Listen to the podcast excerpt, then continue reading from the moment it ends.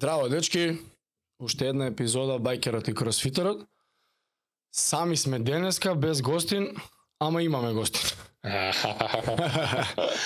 Оваа епизода е посветена на мојот ко-хост, Бајкерот во ова во подкаст, Томас Перформанс во неговиот подкаст, во другиот. Thank you very much. А, и денеска оваа епизода е посветена на тебе, по неколку не обиди, ама неколку пати зашто, имавме зашто покушај. уопште байкерот? Да. Епа, ти текна на за кросфит, погрешка испадна моја комеморабилија за кросфит дека. И грешка. Па, Па, беше што? Не, не, не, ама немав таква намера. Мислев као за кросфит, уствари испадна моето. Да, да, ти кажа Еј тија крсти кросфитерот и сега е не откако да ја бајкерот. преслушував више, тем беше у пет различни сфери. Знаеш, и атлета си бил и вака и онак. Така искочи, да. Е сега ваа малце по, по биографска твоја епизода. Пред да си бајкер, си атлетичар, пред да си атлетичар, си Кошарка. дечачки сан за кошаркар.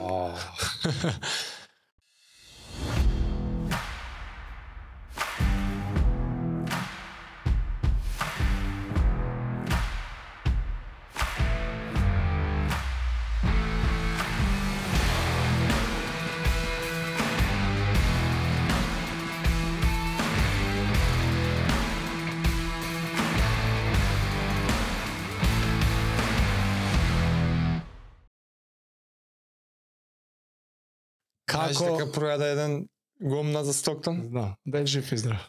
Поздрав, друже. Тој е мој идол на човекот, што се ја глупо. Кој за Роналдо ја се чудам што се не мислел некој. Више ми се смешки е, многу ми се интересно. Нема- Читам така чатмат. Ако за Роналдо ме сератно. Немам видено. За Роналдо уште А ја не. очекувам ќе ме газат за Роналдо. Уште не. За Стоктон бе, као најхард working од сите нула талент човекот. Тоа Да си жив и здрав, да. друже. Да. Кај почињаш, како ти, тоест како ти започнува спортското патешествие? Вебо, кошарка, школа. Свашта, да. Да ти признам одма дека ми најави дека сакаш денес за тоа да збориме. Потрошив така малце време дома да видам како се од кај да почнам да му раскажувам. Приказната почиња за мој втори или трети роден ден, Ту. поклонот е точак.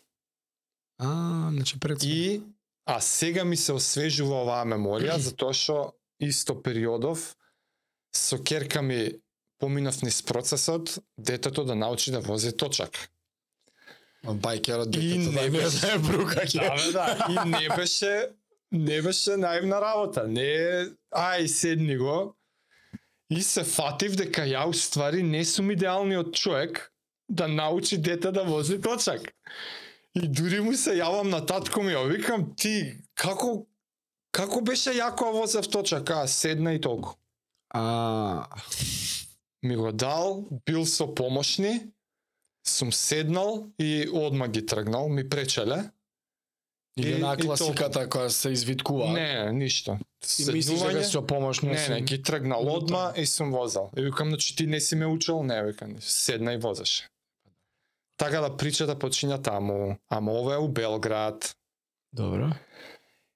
А и тука за тие детски години си траат, нели? Возиш, трчаш, правиш. Кога доаѓам у Скопје, второ оделение, а, другарче од оделение доаѓа и вика Еј, бе, јас се запишав на кошарка, Соколи у Кардель. Соколи во? Кардель, у Пулевски школот. А, Ѓорѓија Пулевски. Во аеродром. Пулевски. Таму имаше еден легендари коуч. Таму почиња. Соколи, а? у Кардель.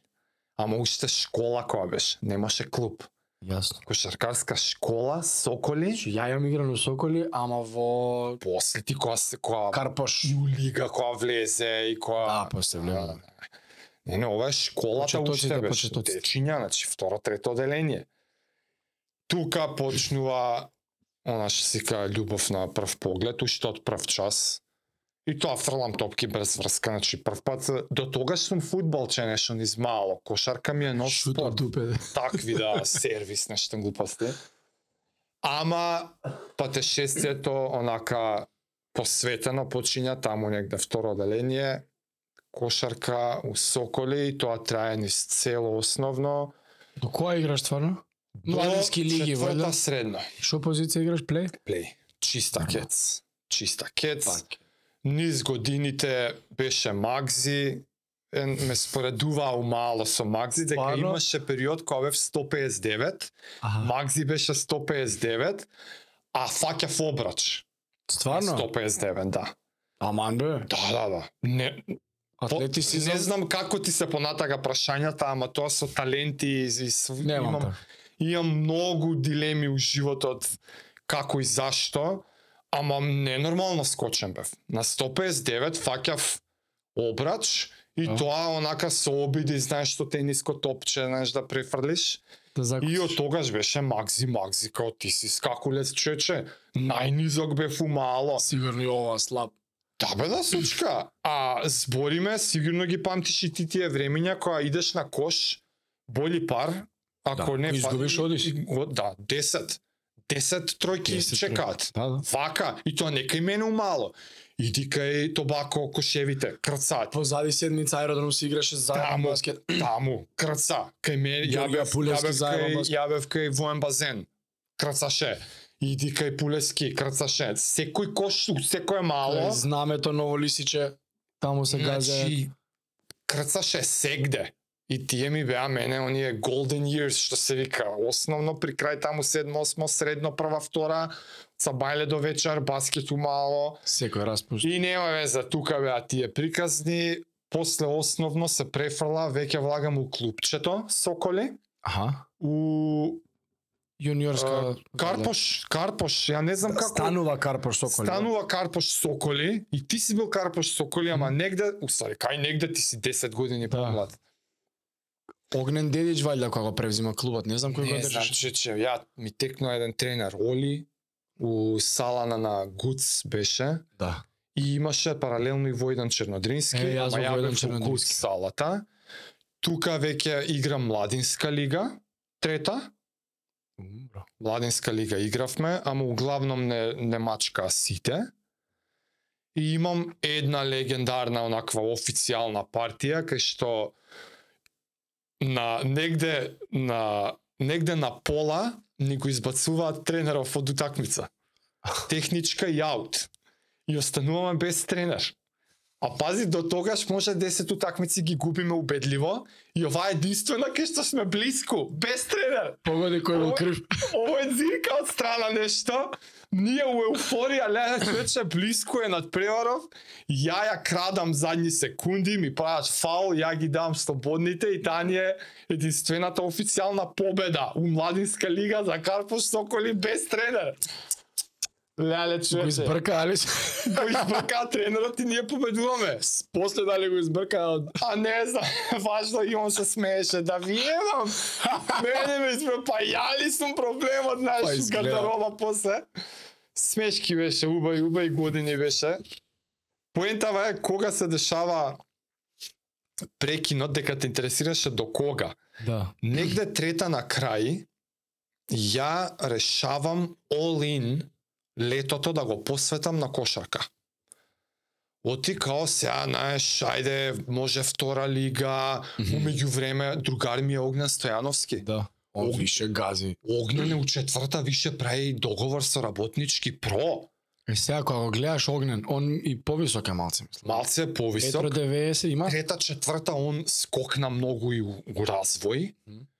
Ја до трета, па, знаеш, ќе го повлече се ово оно, кога дое у четврта огнен, Физички више разлика. ама и, и некако, и он го посветил цело лето, играше за младиски репрезентации. Плюс двајца помали браки близнаците. Приме, ама тогаш сватив, а, еве го наредниот левел. Без, без ефорт играше човече, тоа ќе Многу убаво играш. смешки си играше со нас. Не ни играше после четврта, не ни играше сакаш. На аутопилот игра со вас. Лаба. Ама еднаш два Прва, пати, еднаш два пати баскет и после кој ќе се повредам. Да, бе, да. Сега би идам за работнички играм. Ама не за тој иста, таа исто, истото лето ја решавам all in. Прајање, тоа ми беше она прв пат шест и она ми беше Распоред. За, распоред запишан. И дури дома им кажувам, слушате да нема забуни, ја лето во ова прам, не ми се Немој одмор да ме замарате да. Ја у 6 станувам, 6 и пол трчам на кеј и запишано. Саат ке трчам, од 8 до 10 сум кош, шутерски тренинг, доаѓам, јадам, се враќам, игра тренинг, вечер мало, сваѓаш. Колку јако е. И цело лето така, посветено. Арно, ама дел од таа посвета беше и трчањево. А, Отидовме ние на одмор, и тоа камп, 20 дена у Грција, у камп, леле. да се забориш. И ја трчање са бајле вечер, са бајле вечер. Немаше само кош трчаше нигде. Немаше кош човеч. Са бајле вечер, са бајле вечер, ја трчам и некако види бе што убаво и полека ми се враќаат мемории од основно. Али види, немаш тие пейсмейс, немаш да знаеш. Не бе, човек, ја трчам за да сум спремен кошаркарски. Не мереше старт финиш, појма трчам за немаш. кошаркарски да сум спремен. Ама како трчам, знаеш, осеќаш прогрес, убаво, леле, ова, многу лесно ми оде некако, знаеш. А цел живот, цела моја кошаркарска кариера in the back of my mind, Аха. наставничката од физичко, ти треба си атлетичар, ти треба си атлетичар. Што збориш? нема година, а ја да не сум прв у школа од 60 до 600. А таа беше таква old school војска. Учителката наставничка. Да, наставничката у основно немаше нави топки Да, да. и кафе. Секој ден, секој час беше за некој спорт, праеше онакви војнички склекови, uh, хенс, uh, да се држиш не Хенг. хенг, дед хенг. И она кажува, толку склекови за таа оценка. Браво, која школа е таа бе? У Љубен Лапе. Браво, браво за А иначе да, не ти спомна, ја ја бев у Љубен Лапе, ама у Кардель беше Да бе, таму Сокој. си тренирал. Ја у Лапе бев бато. Видо Смилевски Да, ја бато, знам. го направија Лапе. Брат, ден Браво, денес браво, ја ја имам не- неколку пати имам видено од после Уште ги строи со- или Не, пензија? имам видено низ мало. Аха. Ја кла, се клањам на неа. Немаше чече, секој час беше. Имаше норми. Норми имаше, Пре- толку склекови за таа оценка. И ти сваќаш две петки у оделение. Зашто дека само двајца на 25 склека направиле? Девојчиња на Или, кецове. или маме, нули ставаше човече, ако не успеш слек нула у дневник. Нема тоа јам добиено. Абе, со стап идеше војска, ден денес се клањам ја на таа наставничка. Браво. Шески, трка на шеска, ама со низок старт. Джабе си брз, низок старт не ти е добар. Нула. Нули бе. И ја тука петки физички и оваа упорна, секој час ја шеска ја прв. Ајде 300 круг околу школа, ја прв. Ајде у не знам тоа у. Седмо, осмо, два круга, не знам што. Скоку вис, ножички, ама техника. У све човек ја или прв или трет. Секој час дај биди на атлетика, дај биди на атлетика. Ама јас сум у кошаркара, бе, де иди на атлетика. Ке доат онакви школски, ајде бар на школско дојди. И ја ќе отидам. Школско такмичење? Школско, државно, ама за школи. Аха, меѓу да, добро. Ја имав Меѓу останали. а, а, трето Македонија на 6 Имав индивидуално, имав штафета исто бронза у седмо, осмо оделение на ниво на држава за Љубен Лапе. Така, така. Скоку вис, скоку далечина сум идола над превари, знаеш, онака ќе дое. Од физичко што. Слушај, у сабота автобус пред школа мора да идеме у Велес. Учествуваме бидеш. на училишни спортови, свегаш и ќе одбере такви. Оти пази, она тоа со цела генерација го прави. Многу убав увид има. Колку е тужно што тоа денес не знам дали не, постои. нигде тоа задња генерација ние бевме. Толку. Тие државни. Не само ние, него другите оделе, другите што не им беше вера наставничка, не го правеа тоа. Аха. Сваќаш, Вера викаше студенти од ДИВ да прават на нас пракса. Ние имавме секоја година цел ден букиран за психомоторика, тестирања. И студенти доаѓаа психомоторика ресерч правеа на 300 семплс деца од збори? 5 до 8 прогрес и регрес на психомоторика. Јас сум дел од ресерч на таа генерација на ДИВ Доаѓа Збори. студенти човече од сабале до вечер, скок од место, мастине, значи Драфт комбайн би правеле. апла, апла, трајалс. Колку скокаш, колку си ја таму пак топ 3 у секоја можна статистика. И нема везе, моабетов беше дека цел живот мене у позадина ми атлетика, стои атлетика. атлетика. Ја почињам да трчам на одморов. на одморот и атлетика, атлетика почиња четврта. Нема случајности у животот. Двајца нови ни доаѓаат од Карев, ни се префрлаат у Корчагин, ја бев у Корчагин средно и и новиве близнаци и се запознаваме и не знам како паѓа и они трчаат. Е, ај ќе трчаме. Мене не ми беше план. Они вежбаат атлетика. Не би и они трчале онака за, онака, за лагано. слабење. Так. Да се одржаат у форма. Тоа им е начинот на вежбање. Онак.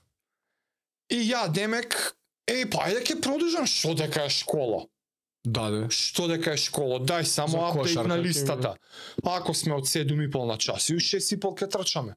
Свегаш, или или втора смена, Така, знаеш. Јасно. И ја четврта тренирам и кошарка и трчам секој ден. Уште си у Соколи си терат. Да. И веќе се збори, ајде, дојдоа други, ќе се појачаме. Втора лига или ќе преку преку третава Мгм. као имаме шанси, не знам колку места, за да се преминеш у втора. Така. Тренеров спомна некој спонзор, че Croatia Airlines дојде центар крилото што ни играше, татко му нешто беше у Croatia Airlines, нови дресови спонзор, ау, про, па моравме да подпишуваме договори сега Така. дека играш у лига. Ја бе волин се уште. Како трае четврта, јас се поише у атлетикава, човек, знаеш, како растеш, вака ти расте фитнесот и пак по случајност или не, еден ден идеме на стадион.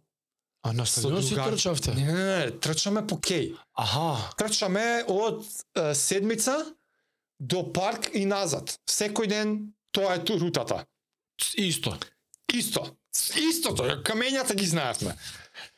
И ама си мериш, почнавме да мериме, знаеш. Ама на штоперите. Не бе, да бе, да, онака што пери, да, старт 12 минути, за две недели 11 минути, за 10 минути. Иде, иде, иде, и му викам на другаров, дај бе да свртиме више ко сме кај парк, ќе свртиме од кај стадион. И тоа беше наредниот судбоносен момент. Стадион трака, така што се тренира да. атлетика. Да, да, да. И тука работнички прават тренинг, средно пругаши, пожурка професорката од физкултурно, со средно пругаши на работнички и влагам одма, одма, значи вака, љубов. Да. Не, не, опи, не може да се опише тоа. Онака припаѓаш тука. Припаѓам. Буквално припаѓам. Твоја трајб. И знаеш што ми беше, ама што беше припаѓањето? Добро, кога? Секој ден. Секој, а ваму се беше понеделник, среда, петок тренинзи правевме кошарка и сабота или недела беа као ќе се погоди утакмица на малата сала на Кале. Ова ми вика секој ден, и недела, и недела. Ја Недела рекавер. вака. Ја тоа, тоа душава. Ја не стигнав да одговорам, душата одговори. Това е. Тоа е тоа. Ја демек уште се трудам. Океј, кидам секој ден атлетика и навечер кидам и кошарка. А да, да, не може да шкоди. Почнавме. Една-две утакмици изиграв од новата лига, па дојде еден крос меморијален и пред кросот и ова е многу клучен момент. Бајдове, ја го затекнувам тогашниот балкански првак на 3000 метри во сала, Дане Јакимовски. Дане не го знае ова, ама ми е огромна инспирација. И точно ако слуша Дане некогаш, неколку дена во, а, во салата во работничкиот под трибина од задната страна беше гардероба за атлетичарите. Божурка вика ќе има крос у недела петка на Кеј. Ја од Марс паднат. Прва атлетска трака на крос, врска немам, како се трча, брзо, споро, колку е. И од Марс паднат, индијанец. Му идам на Дане, му викам, абе како? Викам, викам, може ли да идам по тебе? Денес знам колку глупо прашање било тоа тогаш. Ова исто го јас Дарио да го прашам на маратонот дали можам. апла, апла скрос исто балкански првак е човече, тогаш Дане е тркачки конј. Шеле. Не можам да долам што значи балкански првак у, то, у тоа време. И Дане Фала му што не ми врза шамар, ама не беше ни толку како се вика мил у одговорот, као под под осмех ми вика абе ако ме видиш. Пробај. Ја онака како бе ако те видам. И, ама не продолжив да прашам, не го разбираш што значи бе ако те видам. Како може да не те видам, како да не те видам? Не го видов. Почнува трката, Почнува трката, немаше 100 метра, да не не го гледаш. Прва кривина и чао. Прва кри толку, он Толку. он креваше облак прашина позади него на кеј која трча човеч. Немаше патеки тогаш на кеј. Да бе, стварно. Ова е 2001 година. О, By the way. Ова е пред 22 години. Кеото е ништо налик. Нема, нема, камењари. Знам. И трчаме од железничкиот од Влае. Таму е старт до Назад. стадион кај а, пешачкиот мост Така. ваму пред Кале. Тоа е трката. Како е кривината Дане го нема бе? Дане не може да го стигне судијата на точак. Затоа што истиот студија е на старт и он треба сега да брза со точакот за да стигне на финиш. Бука се качува, трга Да, и не може да го за фати. да стигне на финиш, оти има и други на финиш, ама со истиот судија треба и бројчиња, знаеш. Тројца е, цела организација се Така да, така. двајца без тројца. Он не успева да го стигне Дане. успева. Не успева да го стигне. Дане трча испод 13 минути тој кеј. Затоа што не е чиста петилјадарка, некој 4000 и нешто, Дане трча 3 минути километар. Сваќаш? Иди објасни го ти тоа. Тоа е 20 на сат со точак на кеј. Ти колку требаш да трчаш или истиот истата трка да тркаш и ти? Тука сум јас. И ти 5000 и он 5000. Тоа е кросот. Го викаат петилјадарка, ама не е Не, петилјадарка. 4800. Стои нешто сме на стартна линија, да не победува, не го гледаш. Ја не знам колку трчам 18 минути, сваѓаш. Што е лудило пак. Ама нешто од оваа случка мене ми ја Свич. Како се вика Бубачка. бубачката.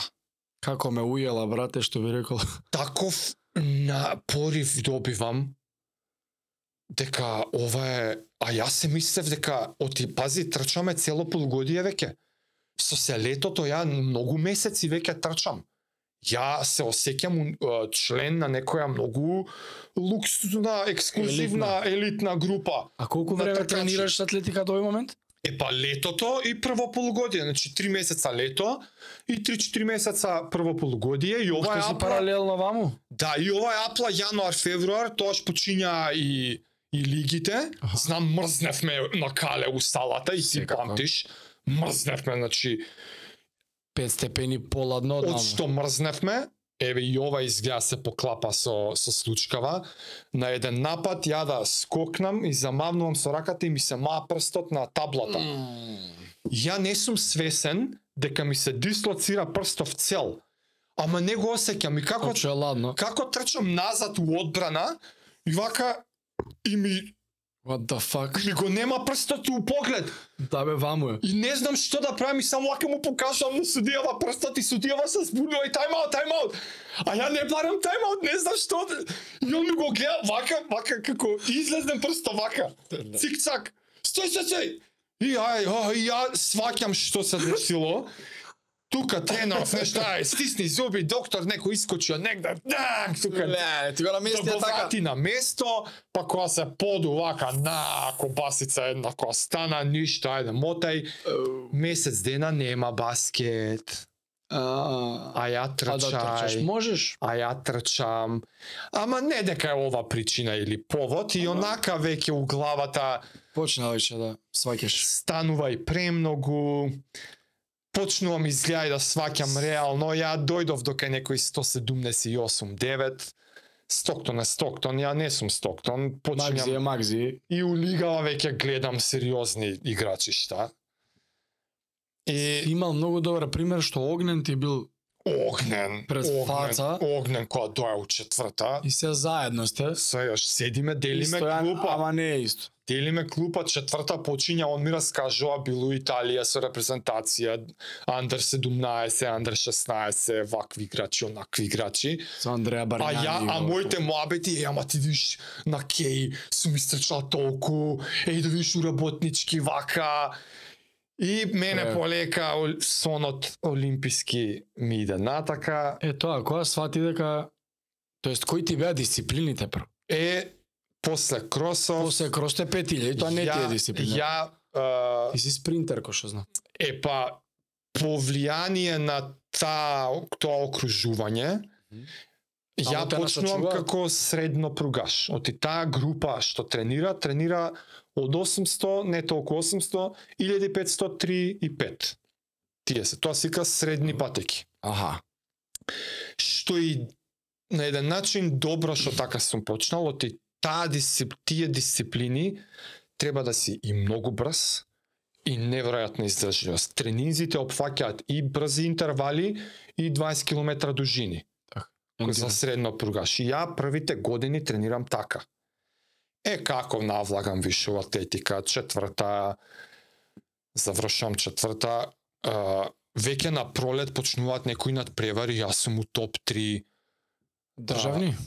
Да, да, да, на државно идам, трчам 800, трчам 1500 у младенски категории, ми дава и некои интересни накви мотивации, као као ако бидеш први три може да влезеш у репрезентација, А, најс. простор за развој гледам во атлетикава, кој што не сум го видел во кошарката. Кошарката изгледа, сум почнал да гледам негде до кај ми се границите, изгледа немам ја уште многу колку да се предадам. Не си играм кошаркар уже. Да, ама тука гледам многу повеќе потенцијал што многу брзо и почна да се реализира. И тикам веќе после неколку месеци ја тренирам за работнички, ја почињам ја победувам на на школско. Тоа сум државното? Јас сум на средношколско државно првак Прв. на 1000 метри со 3 месеци тренинг. У клуб. Памтиш време? А, 2.41, што е смешка. Не, не, тоа е смешка. Тоа е пейсот на маратон што трча. Сваќам 2.47. Како и да е доволно да те повлече Е, се добро, не повеќе можеш за повеќе, месеца па еден доаѓа 50. лето, е сега наредно во лето. Ајде, нов план. Пак, са бајле вечер, са бајле вечер, идеме на истиот камп. Топло, дужини, вака, онака. Јас се враќам, Пун се. Абе, ме примети одма и тренеркава. А, вика ти тепаш 1500. Ми направи еден контролен тренинг 6 пута 300. Леле, летање, летање. А, вика ти, ти мора да тепаш младинско. Оти ако тепаш идеме на Балканијада, Анкара. Ла, ла. What? Чекај да тепаш младинско у Македонија. Да. Ако тепаш, си прв во Македонија и те зимаат за репрезентација. Ти си, ти си репрезентант на представуваш. 1500. Оти На се мора на секоја дисциплина да се попуни место. Од 100 до фрлање ѓуле. Аха. Сакјаш? И првиот од државата го зима место. Прв на 1500 ќе трчи 1500, прв на Така е. 800 ќе трчи 800. Некад се поклапа истиот тркач пат, е победник и на 800 400. 1500, е 200 400, некои такви, ама пак и да и да е победник на двете, а, вториот што бил е како резерва, оти. Може да избере да не трча. друго е у Македонија, Јасно. сваќаш некад има и конфликт на на самиот скеджул. Кога отидеш и ти он кара на балканското, можеш се преблиску У исто траките. време си или преблиску, да. И нема везе, ја победувам на 1500, јас сум државен шампион. Колку време Младински. на? А, не успеав 4, испод 4 минути, некои 4-15, нешто така. Испод 4 не успеа. Да, да, оти имаше луѓе пред, пред мене, што има, например, 3.59 на 1500. Чекај бе, 1500 е скоро майл. Е, 1600. майл, да, майл, да, уште 100 метра е майл. Нели она 5 minute mile бариерата? 4 минути е майл. Нели порано беше тоа 5 minute mile 4 бариерата? минути е майл бариерата. 4 е? 4 minute майл е бариерата. Сега. Секогаш. Ја бутаат луѓе сега? Да, да, да. 4 minute Тоа што ти го знаеш како, Како- бариер, тоа е да. 4 минути. 4 е тоа. 4 е на майл. Зашо ме чу? Тоа е да идеш 1500, 340 и нешто. Да, тоа е јако. Сериозно? Тоа е многу јако. Ама и четири нешто не е. Ама јас сум младинец со неколку месеци тренинг. Да. Ја идам 4 и 15 или беше, не знам што, битно победувам. Тоа бе прв, идеш на Балканијада. Идам да. на Балканијада, трчам 1500, јас сум Така стануваш репрезентативец уствари. И така станувам репрезентативец. Пичко. Со неполна година тренинг, јас сум веќе јас се идентификувам како атлетичар. Да. Четврта средно. Ја добивам оправдание да не идам у школа. Зашто? Кај беше ти томе? На кај бев. На Балканијада за репрезентација. Огнен ти кај беше, извини? И Огнен беше за репрезентација? Е, јас сум за репрезентација. Не знаеш каква гордост ми било Преако. репрезентација човече, иако да не збориме за условите. Нема врска. Ама од тогаш ја не искачам од репрезентација. Јас сум после многу години репрезентативец. Ја како младинец, наредната година јас сум се уште младинец, затоа што сум, а, јас сум од оние касните, јас сум у декември Да, бе, уште си спада 18. 18, ја влагам у сениорска. Ја не знам кај бе втори или трет на 800-ка, во тоа време Ванчо Стојанов е олимпиец со Б норма на Олимпијада, Легитимно. 800 метраши, негови се сите рекорди. 800, 1000, 1500. Сениорот е Ване, ја втор. Или Дане трча 5000 арка или 1500 во сениорско, ја втор или трет. У сениори веќе сваќаш. Кај легендите се приближува. Ау, јас сум и сениорски репрезентативец. И тоа е атлетската приказна. Е сега, а, ова е четврта средно. Како се преоѓа у програмирање у време кога не знаеме луѓе во компјутер немаат кај нас. Книги. Книги. А, Знам дека сте кодирале на табла пешки со листи тука, тука некаде е Како ти решаваш е моето Ја ќе прво одам на програмирање, ќе запишам факултет, пример. А, за, за тоа прашуваш? Да. А, тоа не за тоа програмирање, мислам на Не. програмирање Ја трчање. мислев за тоа Не, звери. не, за кодинг, за четврта средно, сега Да, да, е па види, јас сум ти решаваш паралелно да си валјда. Не, убав убав момент ми фаќаш. Јас сум цел живот у тој конфликт. Затоа што јас сум многу добар ученик. Јас се запишав у Корчагин со причина. Мене ја Заради математиката? математика и физика ја бев Да, нели математичка гимназија. има има една анегдота у моје друштво, негде средно, но трговски ме начекува некоја си телевизија. Одакви знаеш, рандом. И и не знам што се прашањето што ќе бидеш као као што што ќе бидеш ти кога ќе пораснеш или не знам нешто такво. А јас со другарот средно јако од пушка око да не ми трепно да кажувам спортист и научник. Вој се гази до мене другаров. Ден денес сме зајабаа, спортист и научник и тоа искочи на некоја телевизија човек, абе не сте. Ама тоа не е зајабанција, јас сериозно како бев у средно, како привршува средно, друштвото ни беше тоа астрономија, енергетика, физика, што, што да што ќе биде, сваќаш. Татко ми е во воздухопловство, гледав и во Белград за воздухопловство, нешто, ама онаква аеродинамика, не јас да сум пилот. Да, не да ги правиш авиони. Да, да во инженерство. знаеш. Делото. Е, инженер. Ја, јас и тука изгледа некако не упали ништо од тоа. Од што не бевме многу решени. Јас се запишав на енергетика и електро, ама не можев да тренирам колку што сакав. И заради тоа го И менјаш заради смерот. тоа се префрлив на приватен софтвер инженер. Се префрлив на приватен универзитет, европски, кај што сите знаеме многу полабаво отколку на електро да идеш. Така. Од ја тогаш више сум проатлета. Ја нема ден да не тренирам два пати. Аха. Ја почнувам три пати да тренирам, третото е теретана. Од ти Ту. како течат годините, тоа сакав преска да ти докажам. Ја почнав средно пругашки.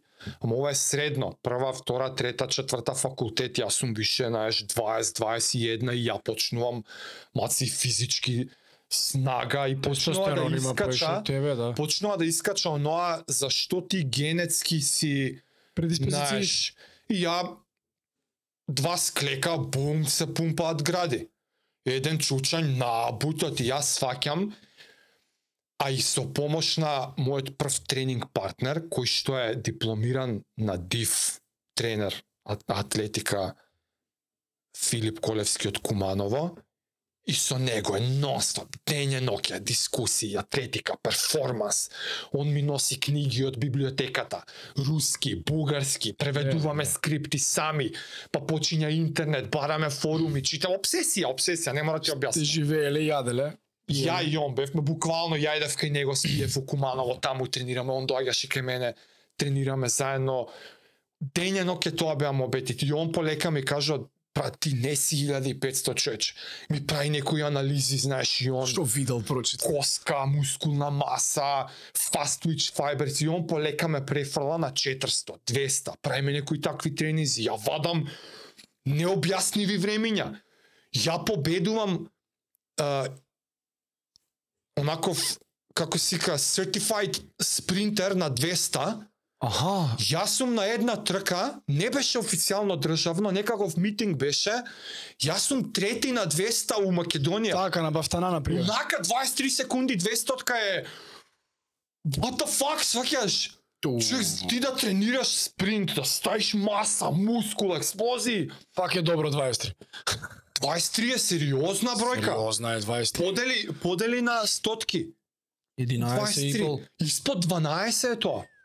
Ја рачно мерам 11 на стотка редовно.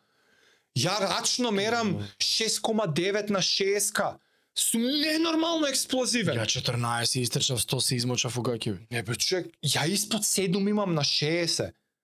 6,7 е више, Секунда 10. сваќаш? И, и со овој, Ту. и со фича, полека, знаеш, Со Кумановецов? со куманоецот и он исто. И знаеш, 21-2 години, Него што беше муаветот. А, и Дека он те прешалта на бдоли. он ме прешалта, ама ја тогаш сум више по два, по три тренинга дневно, нема кај електро, нема шанси. Нема шанси. Да, тоа бара еднакво како И професионален ништо, спортист. таа година, кога, па кога дојда тоа колоквиуми, едни други испити, трети, четири, вика- а не, не ми дозволува душата да сум толку фейл. Оти знам, не дека сум глуп и не ги разбирам работите, мене ме влече уште тоа. Ма бара време. Знаеш, енергетика, па струите, дека јас се запишав енергетика со цел да бидам нуклеарен физичар. Мене дипломската на на усредно ми беше атомска нуклеарна енергија. Ја имав цел труд направено за за атомски централи, си за ретките Опенхаймер што го разбираш од зборот. Да, о, од од од 2000-та ја знам што е Опенхаймер. Мене ме разочарува професорката по физика у средно, која идам ја и кажувам сакам да ми биде трудот нуклеарна, и он вика па добро, му викам каде? Лекцијата од од физика за четврта нема, заебај викам ми треба литература. Мора уште да има. Ја идем у универзитетска библиотека, читам некои руски истражувања, значи јас сум на ја, значи ако се заебавам ја научник, јас сонувам да работам у сферата. Ја енергетика таа на анкета? Да, ја енергетика се запишувам со другарче заедно кој што by the way продолжува и и и До ден денес тера. а, огромен дел од кариерата он не знам дали смеам да кажам, ама работи во таа сфера, енергетика. А, Не, не го знаеме по име. Ден денес не работи. Да, не го знаеме по име, ама поздрав до тебе, друже. Знаеш кој си. А, нема везе, ја влагам со тој сон кој што во огромен конфликт со атлетикава. И сваќам дека нема да ја биде, од што не можам себе си да си простам да сум тако фейл на нешто што сакам да го правам. И јеби го, од нешто ќе мора да живееш кога ќе завршиш факултет Така е. компјутериве више почињаат замав. Ја Windows, имав така Windows. мал интерес. Имав компјутер дома благодарение на мајка ми од од трето оделение. Јас сум од ти не ги ни знаеш. Ги знам. Ја имам. 386 286, 486 26 па дискети па вака и тоа. Ја имам компјутер од 3 години, немам ја, но брат ми му купил. А, да бе ти имаш пострама. 486 као тој памтам. А имало 286 која не ја памтам. И имав и другарче што беше исто тука многу навлезен и ајде што како, Како се викаше ало? оплаво DOS? Да бе, DOS е оперативниот систем, да. А не, не, ти, ти за Norton Command разбориш. Нортонко. А, бе, човек, какви мемории ми вадише. Не ги Нема знам, везе. ама ги памтам Тоа беше шалтањето. И ај што ќе биде? и прекинуваш Информатика. Атлетика. Не, не, не, не. За да можам да А тренирам шалтањето од енергетика на информатика. Да, а, ја една за да атлетиката, факултет осто. губам, за да можам, Така, така. јас сум all in, мора олимписки со ништа, јас сум више норми, uh, имам спомнато може и на подкастов неколку пати, uh, ја идам на допинг контроли, ти секоја Да. Балканијада дека идеш, ги проверуваш можеш, листите. јас сум проверувал, значи, Big ја, ја ќе идам на Олимпијада. И за кои а, дисциплини, кои 400, метраж? 400 и 400 пречки. Значи фиксна е Ја таа дистанца. близко до државен рекорд на 400 пречки од едно време, 400 пречки. Да, затоа што 200 и 400, кога, с- кога ги симињам ја дисциплините, не толку 200, ама 400 ми станува, тоа е мојата дисциплина. А, но, ама 400 трча и Далибор, кој што трча 410 години. И он убедливо победува. Ја не победувам на Абе, 400, 10 години е пред тебе. утре. ама 400 сум тука негде втор трет, ама 400 пречки па никој не трча.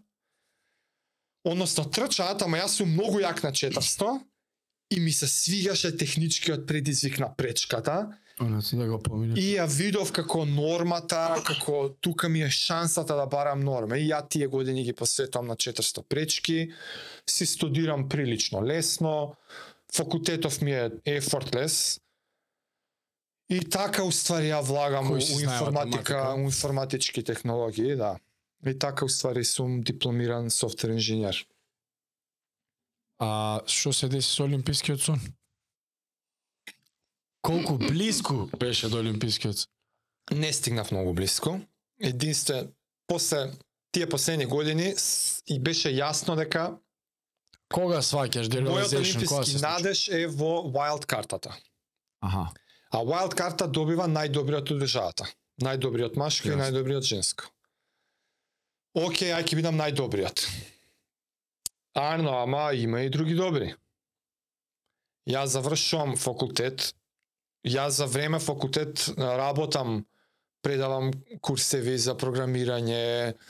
Сепак се снаѓаш, сваѓаш са не сме дома милиардери, Така да. пак и сакаш да се осамостолиш малце, Тие се години на транзиција. Сампатичиња, знаеш, ово, но па држав некои часови, ти викам тук таму и отидов на пракса у, у IT департмент на аеродром за потребите на факултетот и едно лето идев и на пракса и ја не бев ни готов со факултетот и мене ми се јави од таму ни треба човек да те вработиме. Што збориш бе? Да. Од факултетот ас, Од- асистент како се вика Не, тоа? не, од, од фирмата ми се ја, од, од, од фирмата ти се јавија? Од аеродром ми се јавија нова директорка, поздрав и до Јас те директорката. сватив зашто каже имаш предавано дека од факултетот те Не, ја предавав у приватни школи, Тоа јасно ми е. ама- идам на пракса на аеродром Добро. во IT департмент, Паралелно трчаш. паралелно тренирам тоа Тоа е лаут. наливо на Тоа question. ќе ти кажам која престанува.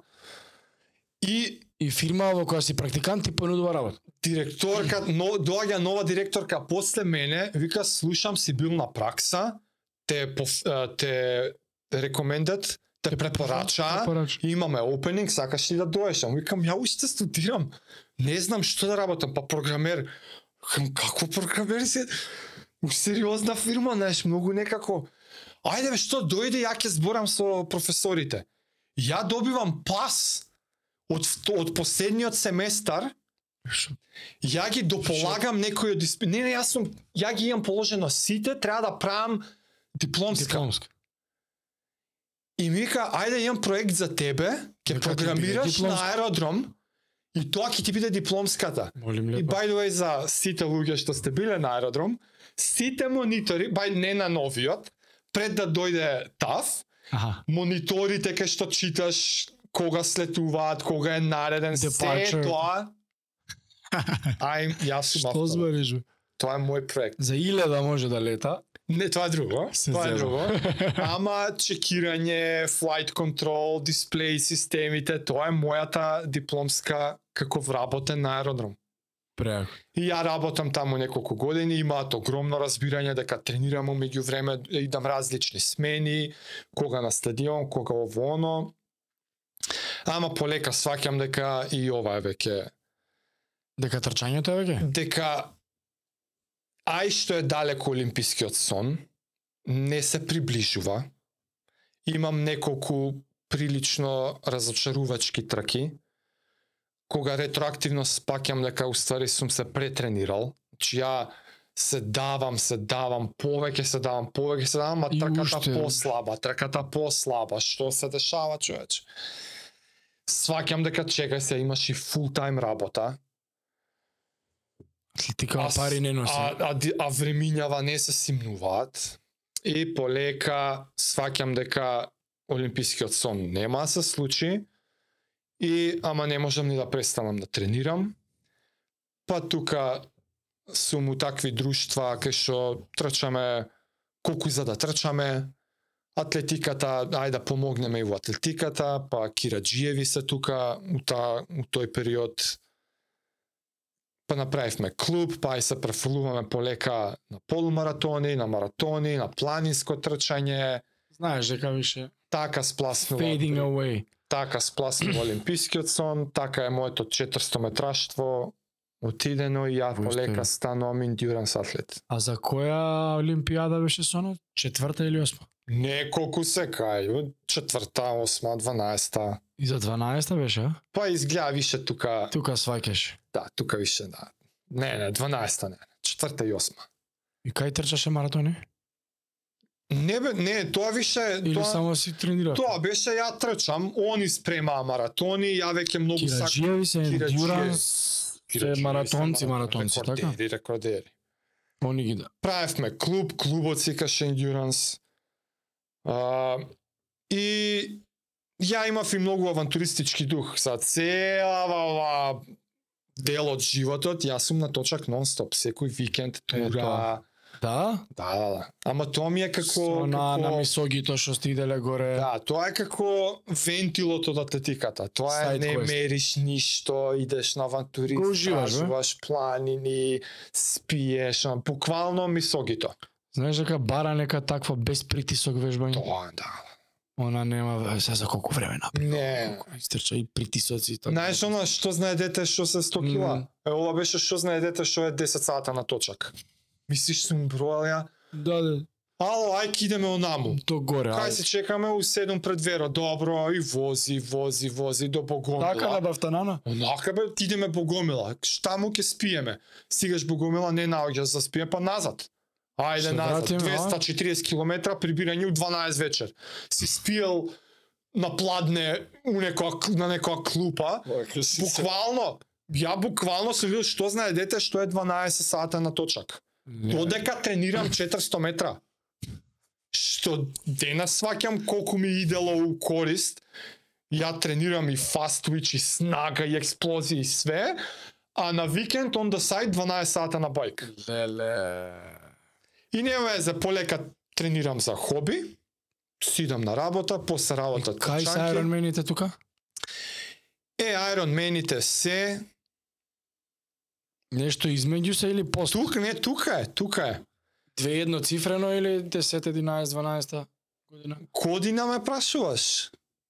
Не знам кога. Чекај, а, 2014 и 2015 ми се завршени Ironman-и, што значи не, полу прв- 2014 и 2015, значи полу и цел. Што значи одземи две години од тоа, почнува почнува патот кон Iron, значи 2012. И како решаваш? Да. Предизвик. Трчам више дугачки. Маратон Да. имаш валјда истрчано до тој момент. Ти имам кажам дека официјален неам трчано, ама Дека имаш плани- 50 истрчано. 50 шески, дека ние правевме планинско трчање пред да постои трейл ран, Јасно. комјунити. Пред да стане популарно. Да, да, да. Тогаш се викаше планинско трчање, уште спаѓаше под атлетски федерации. Аха. Сега е друго. Сега се други Сега си е организации. посебен да, ентити. Да, посебен. Па имаше планински трки, ама тоа беше поише ради мојот авантуристички. Да, да, ништо време Ама, да ама се движиш у кругови Столе го знаев како триатлонец, неверојатно успешен. Па се и гледаш, пратиш Ironman триатлони и ми беше како предизвик, као види човек, јас сум тркач, возам као две од три дан. Дај да попливам и ова е Чекај, не, за сваќаш? секојаш направи граница. Што е Ironman, што е триатлон, што е разликата у Ironman, дистанците? Ironman, а, у дистанците. Да, има разлика, триатлон е исто е трите. Ironman исто е трите, ама се вика Ironman триатлон се мисли на олимписки. Добро. Тоа е 1900... Ironman е бренд некој? Ironman е а, подолгите дис... подолгите дистанци. Добро. Еве, триатлонецот, тој што е успешен. Како му се трки? 1500 плива, Добро. 1500 1500 плива, 40 вози и 20 ке трча. и 10 ка трча. Десетка. 10. Тоа е олимписки, Тоа е олимписки триатлон. триатлон. Аха. Тоа е олимписки триатлон. Има спринт триатлон, пола. Кај што има петка трчање, мислам. Да. Добро, тој го има Охрид го прават. Пола од тоа. Тоа го прават луѓе, мислам и вака. И ова и ова го прават. Не мислам вака и рекреативни вежбачи си го прави, тоа не е страшно тој пол. Значи триатлонот е со 10 километри. Да. А Ironman, Ironman, кога кажуваш, се подразбира дека Тие- збориш за триатлон, ама, Ама- е 3,8 пливање, 180 возење и 42 трчање. Пол Ironman е пола од овие бројки. Да. Добро. Ете сега знам еднаш за секој. Километари 900 пливаш, 90 возиш, полумаратон 20. трчаш. И ти ги имаш два комплетирано Ironman. Не, имам еден полу Еден- и еден цел. 14 ти е полу, Така, 15-та ти е 14 и претпоставувам 15 година. Негде 2012 после неколку полумаратони у Виена, у Прага, у Берлин. Бајдо, јас сум цело време фул тайм вработен тука. Ја после да аеродром не менјам- заборавим. Да, ја одам живеам у Шведска работам. Идам живеам у Германија работам. По колку време? По 3, 4, 5, 6 месеца. Свегаш и таму пробуваш. Ништо Да. друго освен ајде идам да трчам 2 сата надвор не можам да правам. Така. И за викенда возам бајк. Ама тука негде тие 2013 јас се враќам од Германија, малце разочаран, мислев дека ќе живеам таму. Мислиш дека ќе останеш? Да, За да, секогаш. со со сопругата тогаш свежо земени ќе се селевме у Германија. Се распадна таа идеја. Си се вратив тука неверојатно исполнет од Македоната, Македонија. И имав а, работа за странска фирма, ама од дома. И ова се дешава пред луѓе да знаат што значи work from home. Тоа ќе кажеш се. Ова е 2009 2009 Да. Јас со таа работа отидов у Германија друга работа да работам, оваа ја држав. Аха. И кога дов тука решив ај батале, ќе си работам ја од дома, дека цел живот ја осеќам грижа на совест дека работа од дома не е работа. Иако реално може и поише работиш. Зависи која професија, мислам. Ама, ама, о, многу добар и сериозен дел од мојата информатичка кариера поминувам за таа америчка фирма. Мгм. благодарение на неа ја многу новија работи реализирам затоа што работам за америчка фирма Во Македонија во во 2009 Македонија во 2009 у време кога тоа е Словно име. не знаја што зборам, ја ја не можев да објаснам што работам. Така. Ја ден денес не можам да објаснам што работам. Ај вие тоа со компјутерите. Сакаш? И тука чекај па ја може точак да купам. Термот Па, IT не постоеш. Сакаш? А овие се американци, ја негде почињав со работа после два поручек. Ау. Ја од Сабајле до два, три тренинга. сонот. И после и онака дремеш дома, на компјутер у 10 кома, у 6 стани, бам тренинзите. Никој не ти доја шеф, И стани тука јади некако, се. е, тука се клапна коцките. И Ironman желбата, и предизвик, и endurance, можности. точак, и ово, и оно. А не ефтино, Ironman. Па Точаци треба то добар треба. точак. Да се пријавиш само на трка е по 300, 400, 500 евра. Сара? Треба да отидеш до трката, Да. да спиеш 10 дена негде у странство. Сваќаш? дена. И па, например, за цел Ironman на у Мајорка, не кеш да отидеш ден пред трка, Да, да. Сваќаш? зашто после него нема да шеташ. И ја решив ќе отидам недела дена. Предходно, Преако, бро. тереното, воно, не можеш одма после Ironman, не можеш да одиш, кај ќе идеш Кај на да одиш, одмор? веднаш да живееш. Уште два-три дена одмор да си даеш после, значи сакаш. 15.000 калории таму. Пред тоа бев на полу Ironman у Австрија. Таму па сакав припреми да правам. Друг е у воздухот. септември, ја цел август, букирање стан таму, Од работиш од дома, месец дена јас сум на припреми у Австрија. Преако. Точаци, пливања таму. Про атлета, што ти кажам, про. Тренирање може по 4-5 сата дневно. И таму исто пливање на Како не бе, да.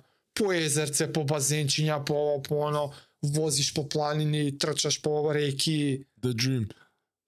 Тоа е, тоа е Ironman. И 2015 затвара тоа. Конечно успеваш, ама ми имаш кажано дека не се ни сеќаваш на тоа. 2015-та, Не знаеш моментот да го толовиш. Мојот цел Ironman, планот беше тренирав иначе веќе со тренер. А, за полу не, ама за Ironman имав перфектно изорганизирана пуна сезона. Програм. Програма платена од странски тренер. И најверојатно и тука малце сум ја претерал тие последните месеци, ама и не сум доволно упатен со хидрација, Пол, полу е едно, цел е друго. Многу коцки фактори да не навлагаме птен, битно мојата трка во Мајорка одеше by the book по план дека ќе пливам сати кусур, 2-3 минути ќе истрошам у транзиција, ќе возам рамно 6 сати за 180 км. 6 се вози, а? Да, 30 просек, ама а, 1800 и 2100 или 1800 надморска. Значи имаш од тие 180 км 14 км два пати водно. Да го качиш. Нема 30 просек таму. Нема прав пат. Да, да, да. Тоа мора да го подобјаснам за луѓе што слушаат сега.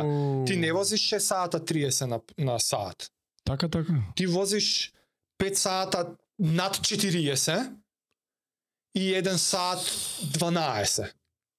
Значи, ако ја возам, возам 40 плюс. Тоа е брзо многу, бе. Тоа е летање. Тоа сериозно, ја таа година сум тренирал, ау. Мадафака. точак од Германија носев. Леле. Time trial местење, јас сум више тука про. Со гаджети, со 300. Гаджети, ме, посебни а, волани за да се наместиш во аеродинамика сум За правил. твојот лайк прайм. Ау, значи, па, тука више сум се повеќе навлагам, ама што попрво, да. ја го во, ја го пливам тачно, го возам тачно. Ама како сум го завршил точакот, не сум внимавал убаво на калориите. Беше сончево ветровито. Не си внимавал додека си возел? Не сум, не сум внел доволно и калории и вода, Мм. ама и не сум израчунал доволно прецизно, не изненадувачки фактор е суво ветровито време. Ја ако сум Што е, мислел дека што е изненадувањето? ако сум мислел дека трошам 0,7 течности на сат, Ау. јас сум трошал 1,3 литри Тоа е многу разлика, факаш? бе. А, да, да, да. Ја завршувам триатлон, ова точакот, како се пресоблакам патиката, мене ме фаќа мало грчче на задната ложа и ја а не а доволно сум искусен да знам ова е Крамп. Ова е грч. Значи јас сум у сериозен дефицит, а допрва почнувам маратон да трчам. Фак. Ја као ајде, а план ми е го трчам 3 сата на тренинг. Што трчаш 3 сата? Маратонот? Мене ми е спремно, значи ти кажам, мене ми е спремно, саат пливање, 6 возење, 7. Така, и 3 маратон. Ти бркаш ствари. Мене ми е спремно за 10 сати 9.59, Ironman. 59. Мене ми е 10 сата Ironman на тренинг потврден. Сваќаш, мене ми е 3 сата на тренинг потврден маратонот. И? Ја, ама знам дека е тоа 4 минути и нешто километар на е многу пейс. сериозно. Да, да да, да, да, човек, про. Ама знам дека со Грчов не смеам ни да помислам да почнам со тој пейс. А у тој момент вода не ли се напи И, нешто да и у станица пијам, правам, одам, електролит, изотоник, 6 нешто. минути километар, имам едно апче за соли, Е тоа. и трчам некој 6 минути километар, стега, сте на граница сум Грчеви и на 6 минути километар. Леле викам, ќе жртвувам 5 минути, ќе одам. 5 минути стануваат 10. Доаѓа прва станица, скроз да застана, оти и тоа ми е јасно дека ти џабе сега внесуваш тоа не го абсорбираш. Мм, Ја у тежок дефицит сум бил и тоа што сум го внел тие 10 минути, почињам ја го повраќам. Леле вика мене желудникот не ми работи. Еле ти Ја џабе внесувам веќе. Касно е. Ау, чуете, дај да видам до кој пејс ќе трпам. И почињам некои пети нешто минути километар и грч на цело тело. На цело? На цело тело. Се блокирам вака. Кога- Рацете ми заглавија. Кој да те нокаутирал? Рацете ми заглавија и вака ќе паднев за малце. И застанувам скрос и дишам, дишам, дишам. Оти веќе имав повратено. Чи више немам ништо Значи да повраќам. И малце како да ми се подстемни. А јас само што почна човече. Нема. И сега е веќе damage control. Да. Damage control. Колку е таймкеп има? Не, не, не ме секираше time cap, оти многу сум. Добро си Да, покажа. Имаш, не знам, до 8 вечер, нешто такво. Аха. Као, А у моментот е као не знам, некои 12? 16-17 А, сата. добро, да. Не, мене ми е сега, као, ја па ретардиран, Времето. ја не е нормален, замисли, ја починам да ај бар 11 сата, ај бар 12 сата, не ми е, дали ќе преживеам, Преговараш. И ја преговарам, рачунам, ритмови, ај волк, ај ќе трчам волку, ќе одам волку, па дојдов до една medical station, па ме изнапрска со спреј по нозете, демек за гарчевите. Врска немање. Врска нема и тоа, па нешто ќе пробаш, ќе стаиш у уста некој да гелче, бананче, Почна поврати да го, прима па, после, не, немаш? не, не. Што е да ставам повраќај, што е да Колку ставам? го заврши маратонот? 5 сата беше маратонот. Трчи, Значи- оди, трчи, оди 5 сата рамно и мене ми е 12 сата Ironman. Па ти човек после толку возење, после толку пливање. Брат, финиширам, Ја само маратон ми е 4.50 да завршам. финиширам и одма ти трчаат со медали и те Да, слика. you are the Iron Man. И не можам, ја, ја ја одбивам таа. Не, ја ја тргам таа и медалјата у рака и они сепак ме сликаат. И ме, тебе ти стига на мейл сликата. Ја таа слика како ми стига на мейл shift delete. Ја таа слика не постои. На таа слика јас сум жив мртовец. Мртов, да. Ја не Си можам да, да зачуваш. ја не можам да си дојдам до ранчето кај што ми е остаено. У спат наоѓам еден кревет и правам грешка. Легнувам Легна. на креветот. И не можам да станам. У кочитис. Веќе е темно. Јас сум, А ти сам ко дух? да, немам луѓе со мене, јас сум само Мајорка. Зошто бе? Јоке сак Сам не одам па да умрам за илјадници евра збориме. Треба авион, треба да хотели, Јасно, треба јасно, јасно, јасно. Са, не дека јас сум милиардер, мислам, ја мубава Ама работа, ама, уште една будала ама тебе. дупло тра... друг уч- учесник. Да бе, уште еден. кој бе, тој сум, тие години јас сум Ironman. Да, не е популарно, прав си. До прва може имаш уште еден двајца, имаш еден у Америка, наш маке, македонец у Америка. Пред мене тој што беше Ironmanот, а, Дуци, тој не правеше више Ironman. Да бе, стварно, Таа кој ќе натераш за таква Тие, тие глупост? години сме на прсти се броиме Така, Па Ironmanovци. ти сега си на прсти не па. И јас сум сам таму човече и мене доаѓа една ме приметува, are you okay ми вика. И ја морам да се соочам и да кажам no. И доаѓаат да ме кренат, ме носат у шатор, ми даваат некои си електролити или не знам што, кебенце, малце имам, не памтам, не памтам, ама после некој саат нешто ме живна и станав и си отидов у хотел. И ја, за мене тоа беше тотал фейл. Те замишлям со кебето подобро ми. Стануваш Да. топ, топ. Тотал фейл. Ја, Iron Како Man, да не фейл 12 сата. Да... ама идеш со 10. Добро бе. Ја, тоа ми беше последно пливање Ever. ever. Ја од тогаш немам пливано пливано. Само пличак. По одмори по базени идам се што немам пливано. 2015 е моето последно пливање. Оти не ти спомнав, ја и додека тренирам мразам пливање. Знам. Дека И тонеш. тоа беше no thanks, окей, заврши Ironman, може би некад понатак. Е, и од ама, си кажам, окей, ми требаше една година да немам закажано трка. Од ја до таа година немам Да, година можеш. во животот, а на календар со месеци унапред да не се запишани регистрирани трки. Дали биле атлетски, дали биле полумаратонски, дали биле айронменовци. Ја немам година у животот, а да нема чекај не можам тоа затоа што тоа ми шмија трката.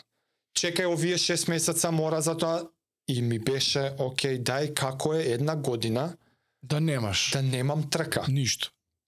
Депресии. Да. Депресии. Ја не можам да тренирам без цел. Ста, тогаш сваќам. Леле ствар. Ја И како се деси ја ја прифаќам дека нема да правам Ironman веќе Ама што е следното? и година дена Нема трениркам, вежбам, возам, трчам.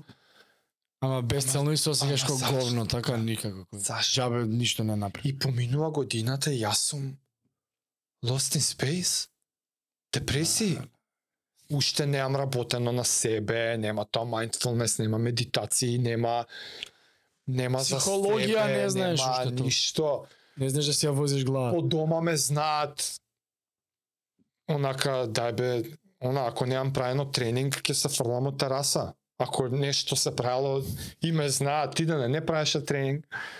Уште немам resolved такви Кога немаш вежбано? А? Од кога немаш вежбано? Да, бе, да, Ти, апла така. И Сега после ова, уствари така најде љубовта у бајкот. Односно цел ти даде нека насока нова патокос. цел, да. барајки нова цел, беше, окей, чекај, Со годините, со не времето. можам, е, сакам премногу да тренирам, бар тоа го сваќам. Дека ја не можам ни на работа да функционирам, во животот не можам да функционирам, не ако имам еден саат дневно. Ја го живеам животот со минимум 12 неделно. Саати Саати. тренинг. Ја, за мене е пет премалку Неделно. неделно.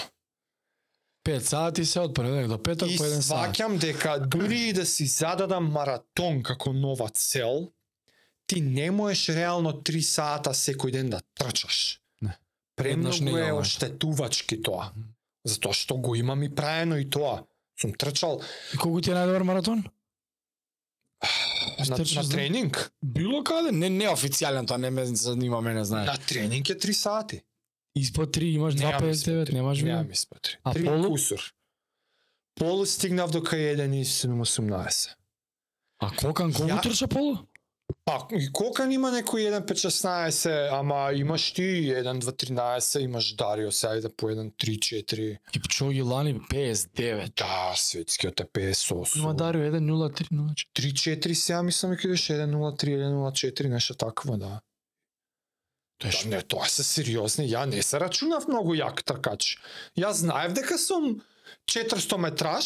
Чекај бе 1.19 е сериозно. Не, ама не, ја тоа го правам знаејки дека сум спринтер што нема време и услови и, и, и се откажал од спринтерскиот сон, ама мора да прави нешто и сепак има има некаква издржливост у себе. Ама таа некаква издржливост у мене што сум ја имал у ствари природно, природно, не знам дали е природно од, од авантури, не, не е ни Да. еден саат, него е 3, 4, 5, 8, 10, ултра. Така. Ама наредна цих, ја, ја буквално седнам, чекај, морам, не морам нешто да пишам, морам да пишам. Да се тракира нешто. Ја на есен мора да знам на пролет што ќе правам. Плюс што ми треба да се споредувам. Ми треба да знам кај рангирам у светот. Јас сум должен на себе. Ја цел живот се осеќам Се мериш. должен дека сум знаеш од тие од тие школски денови која јас сум победувал мене тоа ми останато цел живот као ја мора да го оправдам тоа сакаш чекај ако јас сум тој што победил у школа и сум бил трето у државата ако некој у Македонија треба да биде, значи кој гледаш вака на страна, Ти? Јас сум цел живот дужен да го правам тоа на себе. И заради тоа вајде и таа цел и што да биде, што да биде, не маратон ми е малце. Сакам поише да тренирам. Од ја доаѓам свеж од Ironman, ја тренирам по 5 сата на ден, ја имам недели што имаат пре, повеќе од 30 неделно. Работни сати имаш време. Пливај, вози, трчај, пливај, вози, трчај. Значи, У шест пати у се недела. дешаваат? Тоа ќе ти кажа, шест пати неделата тренираш, еднаш е три пати у, у У денот, ден? Трите ги. другото е два пати у денот. Или, или, со-со. Јас сум 3-4 години со израчунај колку тренинзи неделно се тоа. Ја не можам сега да трчкам по еднаш два пати у денот по еден сат. Изи рано 60 минути. И умеѓу време бајкчето, тука и нови Технологија иде напред, гаджети, оние нели сега И, па, се... ама и други окружувања, други, знаеш, у сите овие години спортови имаш различни друштва. Триатлонците, атлетичарите, тркачите, бајкерите, ги знаеш, ај со сега со Со овие, ај сега се ние. И у тие години ја тренирам Ironman, кога и да треба се вози, се вози со мојот со здраве другарот. Со него возиме, со овој трчаме, со оној пливаме. И здраве Си имаш usual исклучиво suspects. вози и со здраве возиме, возиме и паѓаат моабети, ајде, трка да биде Гран Фондо у Лјубљана. Кога е ова? Лани збориме. Не, ова е кога барам нова цел. Значи ланските ланската трка прек ланската која беше? Ланската трка е неколку годишна Да. знам. од што почнува после мојот Ironman 2015. Од тогаш ја задаваш. 2016 или 17 не, не знам тачно, ние редовно си возиме со здраве, тури А и здраве беше на трката? Да, на некои. Така. Ама тоа е мојата нова цел и ја не можам кога ќе задам цел туку така да биде. Лайтли да фатиш. И ама сум бар доволно зрел да знам дека оке ова ќе треба неколку трки. Ја унапред си кажувам не една. Мене ова ми е новата цел, не у смисла трка у јуни. Не, не, не. Лјубљана фондо е новата цел. И знам дека ќе одам неколку пати. Ај објасни го Лјубљана фондо што е? Гран фондо. Зашто јас не знам што. е. Гран фондо е велосипедски настан, отворен за аматери, ама аматери у заграда значи и бивши професионалци. Тоа е највисокиот ранг на аматерско нешто што можеш да го правиш, Тур де Франс за Во- аматери. ама во еден Лајче. ден. Тур де Франс се случува 21 етапа. Так. Ова е еден ден настан, како што имаат секои европски градови маратони, Така. повеќето европски градови имаат и велосипедска трака. Аха, добро. И Вие бирате Лјубљанска, Така. словенска. Затоа што е организирана од највисокото велосипедско тело, UCI. Оти ние не ќеме по аматерски трки да идеме. Ние мора кај што е регулирано, кај NBA. што има бодови, ранкинг, кај што има значение кое место си, у кој процент има најлегитимните тркачи се најлегитимно. Возрастни категории постојат, знаеш, разни Така, ствари. така. Значи постоја и обавезно е околу 150 километра. Тоа е Гран Фондо. Тоа е таргетот. Зависно од популарноста, збориме од 1000, 2 до 4, 5, 6 илјади учесници. Страшно масовно, Браво. на бајкови страшно компетитивно. И, окей, е па сега тоа значи дека нашиот спорт е Бајка. бајк. Така Ама стануваш бајк, бајкерот. бајк. За два, три полека тоа расте. Расте. Ние идеме на првото фондо со здраве, Мгм. како туристи. Ама плански. Ај ке идеме, Да да видиме што видиме дешава. како е, знаеме дека е хаос, ке идеме ние од попозади, Идете да возите или одите како не, возиме, се регистрираме, ќе возиме, ама да знаеме како е. 4000 учесници, ние таму попозади, Одеднаш. тргаме наеднаш, 4000 точаци заедно. Да, да, да. Километар на Дур не се четири одвои. ленти булевар. Вака, крца. Не го гледаш стартот. Ко Нью Йорк маратон ако си гледал некад. Саат време трае стартот. Дур се Така и ова. Ние возиме, е тоа бе, многу народ. ние возиме скоро 6 сати, не беше 6, ама 5 и многу, у кои што ја маам зид. Крчеви, кризирам. Зашто? Зато што глупо паметот. Недела дена пред трката ја возам, ја возам Скопје Караджица и назад, Секако.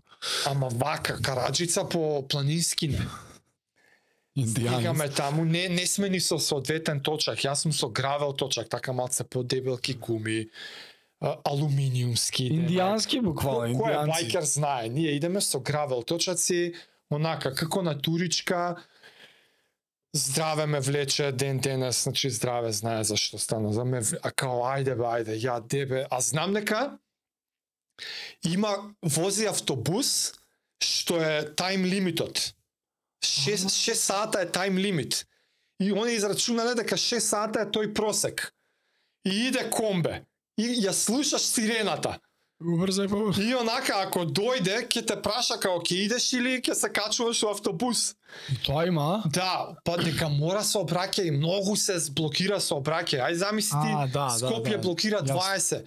Лjublјана треба 150 км да регулира. Сакаш што ти ти не возиш Лjublјана, Тоа не, Лјубљана искаш. Искачаш од Лjublјана и сега полиции, пратни, сегде, тоа мора да ја блокирам патот. Да бе, стварно сериозна организација плюс. Сваќаш? И ја му викам на здраве, леле човек вози, остајме ќе се качам автобус. Не, не, не, од пола, негде на пола трака, има едно брдо 7 км кладже, Ле. на, негде на 18 км, негде на 90 го спушташ и пукање до Лjublјана пак. Назад. Рамно. Не назад, круг. Да, да, Ама па идеш профилот на Лјубљана трката е враќаш. од прилика рамен, мало брце, рамен, јако брце, спуштање и рамно до Лjublјана. Негде на пола е Јаково брдо. Ја на Јакото брдо блокада. Многу не сум пиел, не сум јадел, тотално аут, појма немам стратегии. Ништо не знам, ништо. Абе, тоа Индијанец. намерата шо. Здраве, поспремен. Он ја истера? Он, он него, него фати криза. Аха. Ја осеќам криза, ме фати крч и му викам човек, оди, не ме чекај, вози. Не бе, ајде, нема смисла, сам што, а и онака гледа дека сме негде при крај. Како го возиме ние, брдо да ја слушаме сирената. Мене олеснување ми доаѓа, човек, иди бе, ќе се качам автобус, иди пукај, убаво возиш. Не, не, не, и не ме остај. Не те остави. Не ме остај, не ме стигна сирената на спустот и битно тоа беше Првото искуство. огромно искуство. Ама зашто ти кажам 6 сати? Наредна година, а слушај, кам не трениравме изгледа ние кој што треба.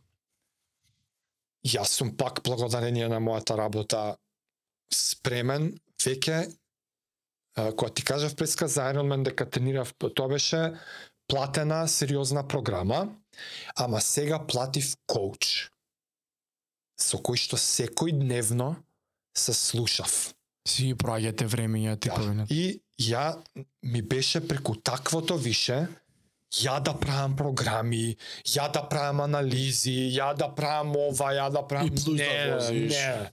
Изгуглав сериозно, ќе откриам. А, ја од месечниот буџет одвоив 300 евра да плаќам тренер Машал. си го најдов на интернет, прочитав многу каде, што, како да го најдам, ти нив ги интервјуираш, ја интервјуирав тројца, Па да. да има За меч. 300 евра месечно. И ја и му викам, здраве, не беше до толку посветен, ама беше као, абе, ќе тренираме заедно, а ја исто сакав исто да видам, да видам, размишлев и ја као тренер, знаеш, да, ако некад навлезам во тренерски води, ќе учам од човеков. Да, бе. И ја ја посветувам цела тренинг сезона на него. Јас си ги плаќам и он тестови, анализи, и многу убаво иде. Јас се осеќам допрва сваќам дека сум бил шалабајзер цел живот. Тежок индијанец. Цел живот. Не знаеш колку убаво се осеќаш човече. онака исполнето во животот, се осеќав конечно како професионалец. На правиот пат. Фаќа ковид, Нормал. кансел сите траки. Ја му кажувам на вој викам ништо трката. Малце ми као направивме некој дил, као нема смисла сега, ај не се слушаме секој ден, као друг пакет.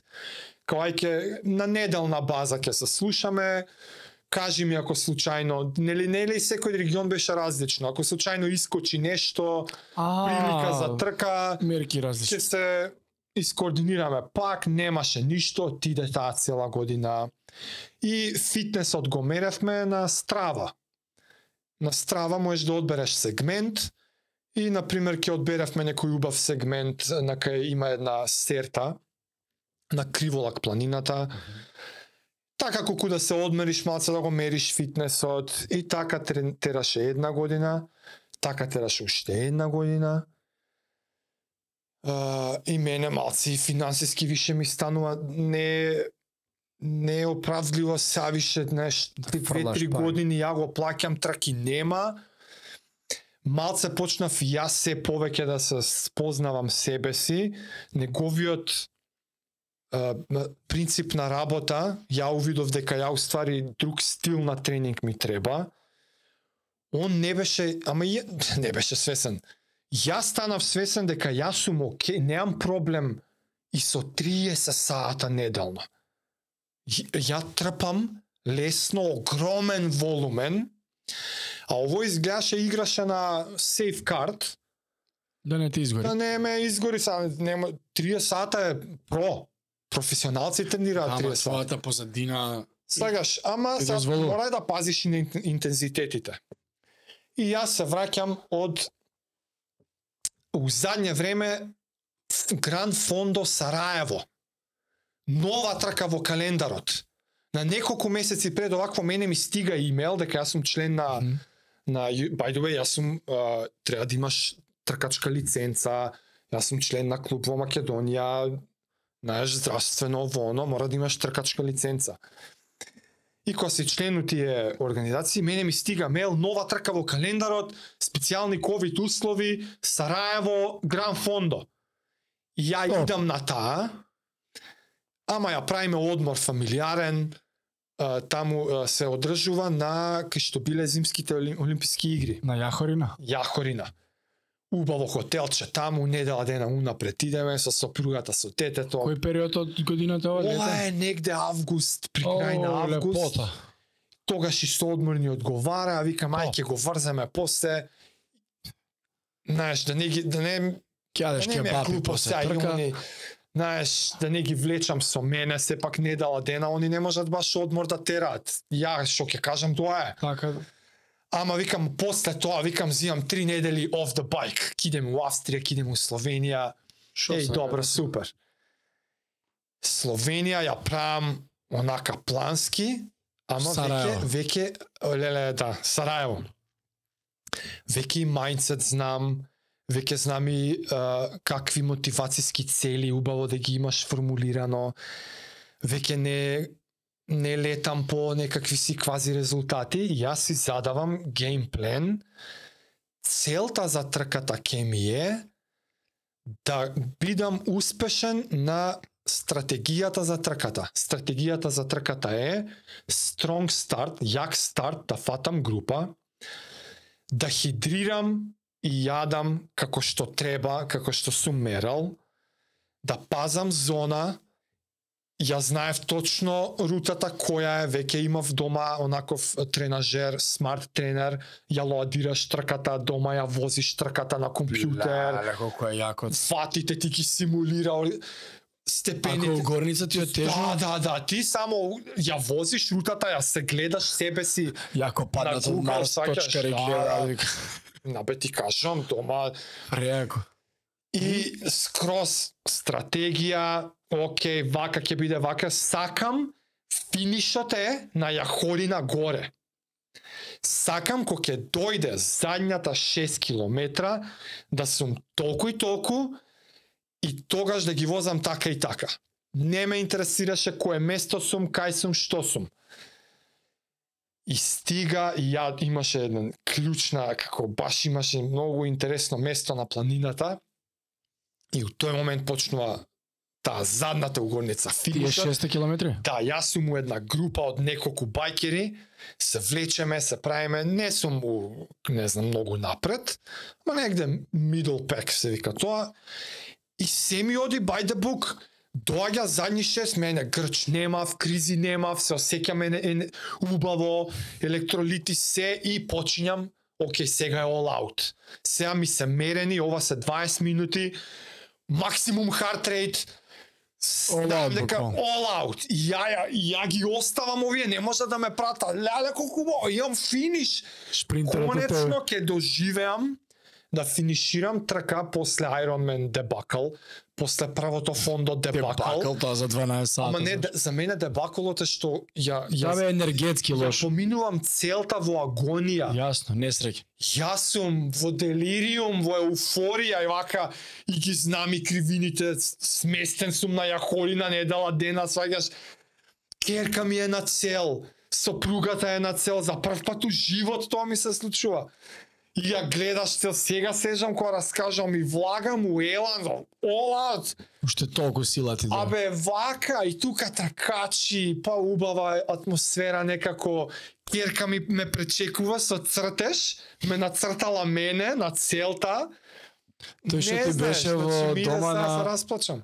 дома што беше пози тебе на Имаше, во студиото. имаше, да, да. Тоа беше цртежчет.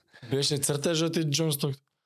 Брат, завршување таа трка толку исполнет моментално како ја завршувам идеме у хотел ја правам план за цела наредна сезона готово готово тоа. крај ау Се гледа дека е возможно. стигам дома стигаат резултатите јас сум 17 у возрастна категорија А од колку? а, не беше многу масовна Твојата категорија. мојата мислам. категорија од стотина Па добро. Човек ја имав а, за, не, за неколку места Некој ранкинг, ке, ке, ке фатев квалификации за за светско гран фондо. Оти има и тоа. Значи ова гран фондо е како лига Така. на настани на секаде низ светот и од секој тој настан, од секој тој настан одреден процент се квалификува да оди на светското аматерско првенство гран фондо. Предобро. Ја, у шок! Му пишам на здраве, здраве, па ти си ненормален, тоа не нор... Прене, значи, ау! И онака се, ти се остваруваат сите ствари што си ги читал од книги, дека кога нема да се обседнеш со, знаеш, со бројките, со целта, со Него со пласманот, процесот. него со процесот, со доживувањето, тогаш сами ќе дојдат пласманите. Мене ми се дешава тоа у Сараево. Ти се реализира ми се уствари. реализира, а тогаш сум више на велико со книгиве сите што ги збориме на подкастов. Идење со цело а, само само довраба дека оке три дена се а, три недели не то, не допирам точак. Затоа што и тоа ми е познато како иде процесот. И ние си поминуваме одмор, и ја едва чекам дома дом. А обично после секој дебакал сум демотивиран, не ми се тренира. Ја едва чекам да тренинг да почнам. Ја правам со сила правам пауза три недели. Намерно не го монтирав точакот за да не ми дое да го возам. Беше демонтиран тркалата извадени волан се вака да На едната тераса за да, тркалата. да, да, да, за да не патам да го возам. Едва и чекам се прибираме ни од одмори, ја day one, Од третата недела. одма, на здраве, слушај вака и вака. Ја идам, тренирам волумен, па што сака нека, ама човек со работа со ово, умеѓу време Свенив работа, уште поуба работа, пак странска фирма, многу лабаво, флексибилно. сати. Тука више помина и ковид, целата индустрија е опуштена за принципот работа од дома Никој не те замара. И, и на таква позиција сум јас е, нема врска кога работам. Одговорен сум за одредени инфра, инфраструктури и е, работам кога има потреба. Некојат работам са бајле, вечер, знаеш, само да не падне серверот. Така. И тотална флексибилност, здраве со слична работа и он, окей, брат, Ајде, Вози ме. Што ќе кажеш тоа? Ама викам возиме по 3-4 сата дневно. Ако не може на тренажерки ги вози, абе готово, тоа е. Ама пролека. И ајде, три недели the bike. 10 сата неделно. 11, 12, 20. Тоа ја пролет, ја правам припреми. На имам Сега се викендица. спремате за Словенија. Сега е за наредното фондо. Во Лјубјана веќе Целта. Да. Во јуни. И ради а, некои си несрекни околности здраве се повредува на недела две пред трка. Е, штет. Јас сум у најбоља форма у живот. Значи, по сите критериуми, ја едва и чекам да дојде трката. После тие неколку трки ми станува ја да, јасно дека сам ништо не правиш. Затоа што знам и Тур де Франс, ја знам веќе динамиката на спортот, на самата трка. А, ако си во група, има многу стратегии, има од огромно значение дали ќе си во група од десетина други велосипедисти. У една секунда ако ти избегаат и ти си сам на улица, они возат 50 на сат, ти сам 50 не можеш да возиш. Мора да влече некој така? Да, мора да групата сама работи, тоа се како некој непишани правила, тие байк байкерите знаат за што зборам. Ама ако почнеме за тоа збориме, отиде 8 сата. И умеѓу време Давид нашиот Нашиот Джейми. нашиот, нашиот Джейми копродуцентот а, Мишко од Кочани и неколку други од тоа од тие мои кругови бајкерски правиме договор, ја ги замолувам, дечки, бива ли да дојдете со мене на фондо, ја ќе ве пријавам, ја покривам све, ама возите за мене. И ова е прилично тежок концепт да се свари сега за некој што ме слуша, Не бе јасно нешто. ама не замисли ти да идеш сега и, од и они се сериозно спремни дечки. Ама добро, И целта за си ти... нив е огромен предизвик да иде на некој убав таков настан трка и сега ти да му кажеш ама слушај може си многу јак, на пример Давид е ненормално јак возач. На на пример на на одреден тип на терен. Мишко е многу добар возач на друг тип Ма на терен. такви треба да те влечат. И на нив им би им било многу добар предизвик и они за себе да го извозат тоа. Ја викам, ама ке ве молам, возите за мене. Буквално правиме како мини тимче, некоја си стратегија, одиме неколку дена унапред таму, правиме скаутинг на стазата, ја ја знам веќе, они не ја знаат, каде да ме влече Давид, каде да ме влече Мишко, знаеш, такви работи. И ние идеме, јас сум најспремен у живот, одиме со стратегија, малце стратегијата падна у вода у првата минута. Зашо? Што се деси? Премногу е, премногу е хаотично на Аха. старт. Ние бевме, е малце ова да подобјаснам, а, ко ти објаснив цел булевар километар, Така. Сега сме, не, не, не, ќе доеме порано. Сад време пред време ние доаѓаме. Имаш во, како во Бранови се, не стартуваме во Бранови, ама во Бранови, во зони е стартната област. Јасно. Најнапред се по покана, значи, бивши про, Мгм. тој, тој што победува таму, лани возел Тур де Франс. Сваќаш? Ама му истекол договорот. И на хартија не е професионалец. Ама е eligible да дое на фондо. Такви се првите десетина. И после Наредни кој си фати, 100 фати? Наредни 100 се првите 100 од минатата година. Оу. Тек после првите стотина и нешто можеш ти да се буташ. Прв дојден, прв Прв услужен. дојден. И ние Прв дојден. дечки у 9 старт, ние у 8 да сме таму. Ние у 8 таму, значи тие што си знаат дека им се гарантирани на први 100, тоа е празно. Заболе, да, да. Тие си загреваат. Резервирано паркинг место. Ние да влеземе 100 души више тука. Они од седу. Вака, вака. 100 после 100 Да, ние ние доаѓаме веќе сваќаш дека ти си 300. 300. Не си ни 4000. Нема тука. загревање, ти доаѓаш и сега вака, сад време дремиш на улица. Точак од меѓу нозе. дреми. Чекај. Ако ќе почне, треба all out шпринт. Ни загреа ништо. Бетон нозете. Сваќаш? Ама го знаеме тоа.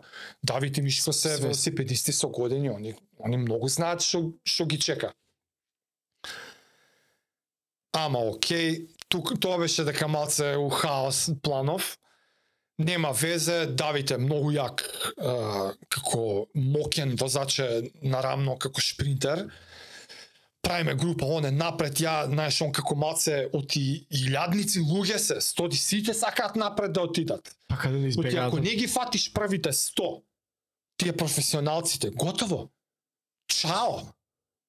А ја веќе маци апетитите зголемени, ми се фаќа пласма, знаеш, у Сараево сум бил блиску, ама пак се воздржувам да не залетам со желбите, пак планот, Планот и желбата и програмата. целта е, дечки имаме геймплен, возиме вака и вака, кога ќе дојде брдото, ќе го возиме со тој ритам, таа зона, волку ми се мене ватите, знам колку сум јак, ако ги направиме тие времиња, добри сме.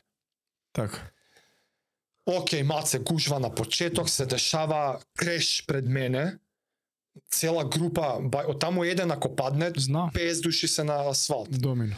Се дешава креш пред мене, јас сваќам дека немам кај да бегам, идам директ у крешот, точаци исполегнати, Мишко до мене нема кај да иде, ја успевам А колку на сад возите тука? А, сега ти ги кажам бројките. Чекај само Пред Крешов. Сега, сега, сега, сега. Ја, јас сум веќе окей ќе паѓам, ама некако да скокнам бар да не удрам еден човек у глава. Ле. Мишко ма у него, Мишко паѓа, ја преку точаците не паѓам. Сам се изненадувам дека не сум паднати, ние од тројца еден Мишко го нема. Губите. Пробувам да се сртам, нема застанување тука. Јасно. 50 на сат е брзината. Ле, се. ле, колку е брзо. Давите среќа го избегнува тоа. Ја му се лепам на него, оке пак регрупинг правиме. А Мишко толку? Мишко не знаеме кај готово. Давид кај Миш, Мишко креш. Среќа Мишко после не стигна, Како бе стигна? затоа што дојде едно брдце. А он е јак на Ти го знаеш ова, ова е приказна со мојата пештара. Да. Со црно, тоа, тоа е на првото брдце, која ја не знаев дека можам толку. Се што можев дадов, се што беше измерено од, се- од години тренинг, Се, се измери се. на- се се измери, се се поправи, а ја не сум ни блиску до групата. Давид тука помогна многу. Ајде, ајде, ајде, ајде, готово. И едни други двајца. Што пржат нозете на угорница беше зебанцијата? Абе, човек, н- пулс Да, Милион до макс. милион. да. Колку можеш макс хартеј да држиш? Минути се упрашање, минути се упрашање, дури да готово. Во 30 км сме, сакаш. Мене, ај може ја ќе ја мене сега ми е групата отиде. Првите 100. Групите 100-200 отидоа. И?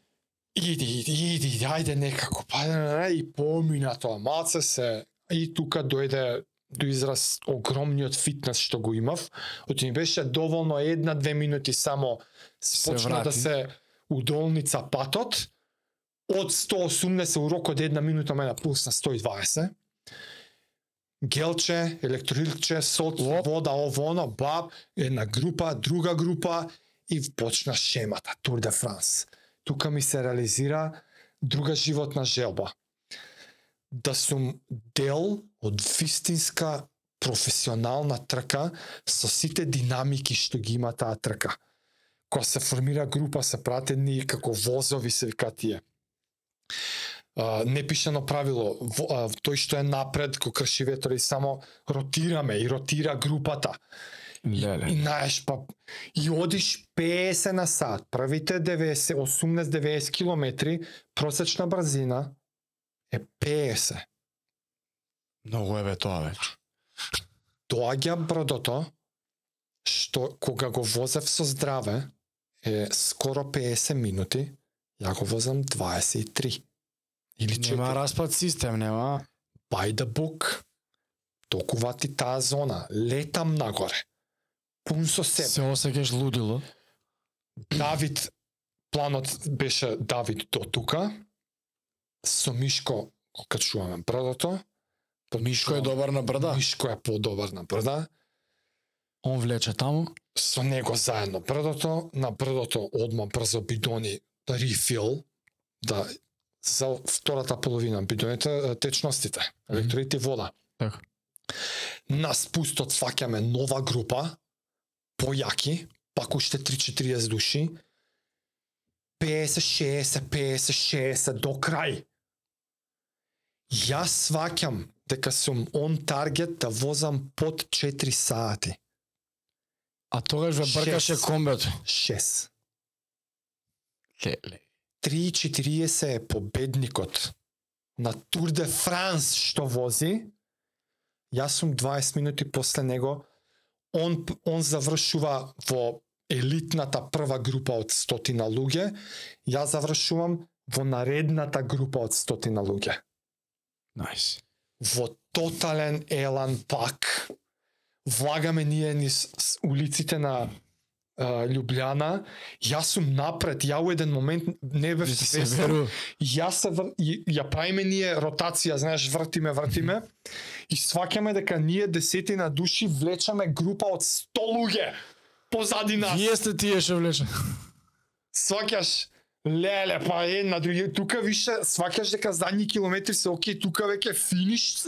Више флоу возиш, не се размишља. Јас се осеќам како вистински велосипедист, дел од вистинска велосипедска трака со 40-50 на саат. Мене просекот ми е 40 на 156 километри трака. Просекот на таа трака ми е 40 рамно. Пичко матер. И влагаме со спринт, со кој сваќаш што ти сите тие 100 души сега Те у финиш да. влагаме all out тука спринтови, а бе од уво до уво осмех, полека кочиш и влагаш е сега дај медалите, одма медали. Тука нешто енергетски пијалаци води, вако, вако. Све дај. Чекам, чекам, чекам. Не ми интересира пласма, ним ништо не ме интересира, само знам дека сум испод 4 сата, човече. Само гледам дека победникот е 20 минути пред мене. И не дека е 20 минути појак, него таа група Тргнува е прва. поелитна. Да. За многу малку ја ќе сум бил дел од таа група. И тогаш сваќаш Колку се- со нив ќе сум бил.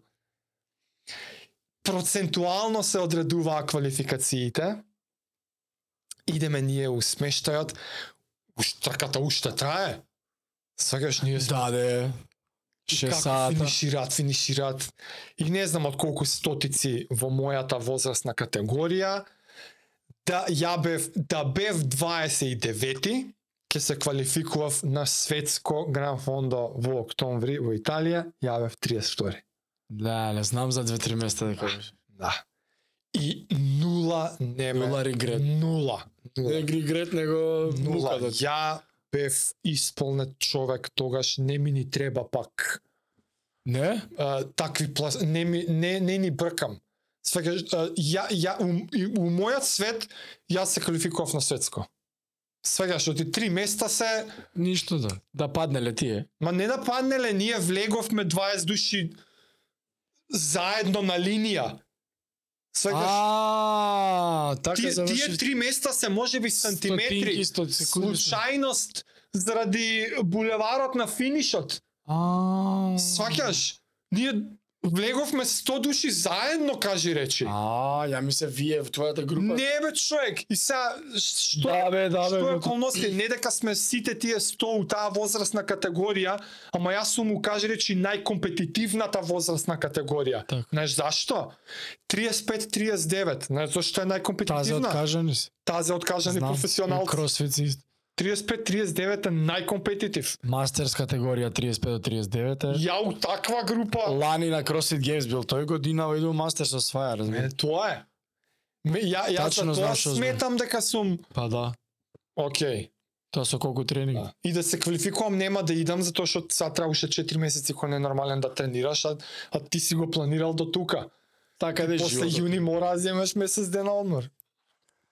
И уште една работа остана. Подкастерските води. Како, зашто, Имаме ли време? кога? Па е, 15 минути ќе ги скротим. А, Тоа Не е нека долгогодишна Да, кариера, да, да. тоа е година и пол, две, колку е више има?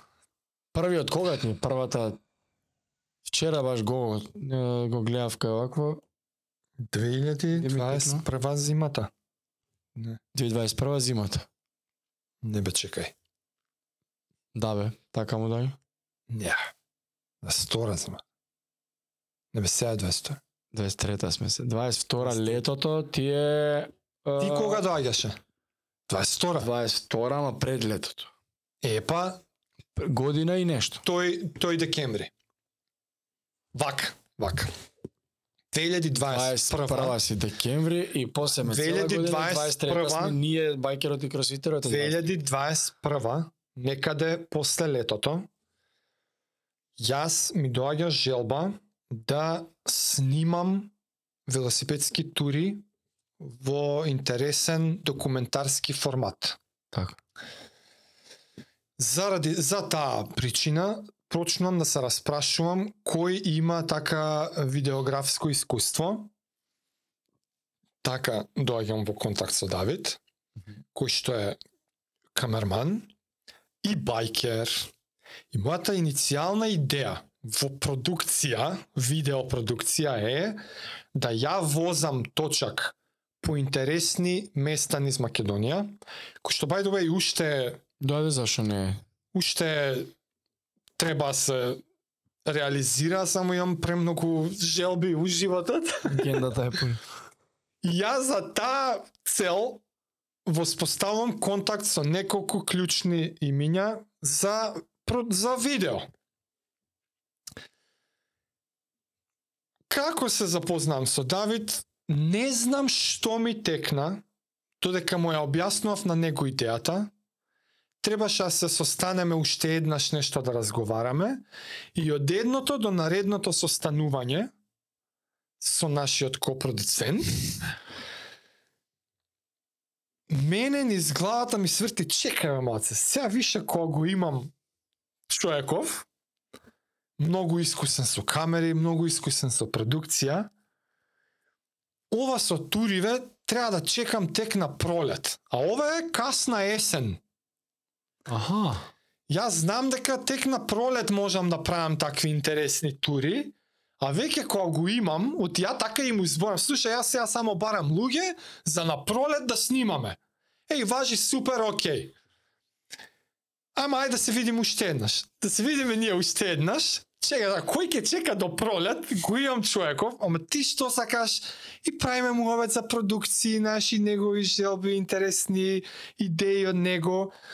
И дури да се најдеме пак на еден пат, јас седам дома, чека а знаеш дека Джо Роган, Фридман, Хюберман, сите овие тренинг години, дома и, и надвор, јас сум со подкаст уво. Јас. Не знам како ми текна, ама буквално од негде, ај пробај подкаст. И толку И како ти завергла, завергла главата? момента, значи буква, св, така свати го. Чекај сам гости. Така свати го. Не, сум така свати го. Никад не сум. Не, не, не, седи си сега Јасно ми да идеја кој мисла, ај направи подкаст. Гром од ведране. И како ми доаѓа како Па така ми доиме. таа мисла не е од мене, значи таа мисла е од не, не е моја идеја, од негде е дојдена. Како влага у наредната секунда, јас сум оке готов мора да правам. Ко тоа е тоа? Немаше ни разми ја таа мисла дојде не моја и наредната секунда јас сум а, план. Микрофон, План, камера, како, Ресерч, каде? како се прави, зашто? Зашто да биде мојот подкаст?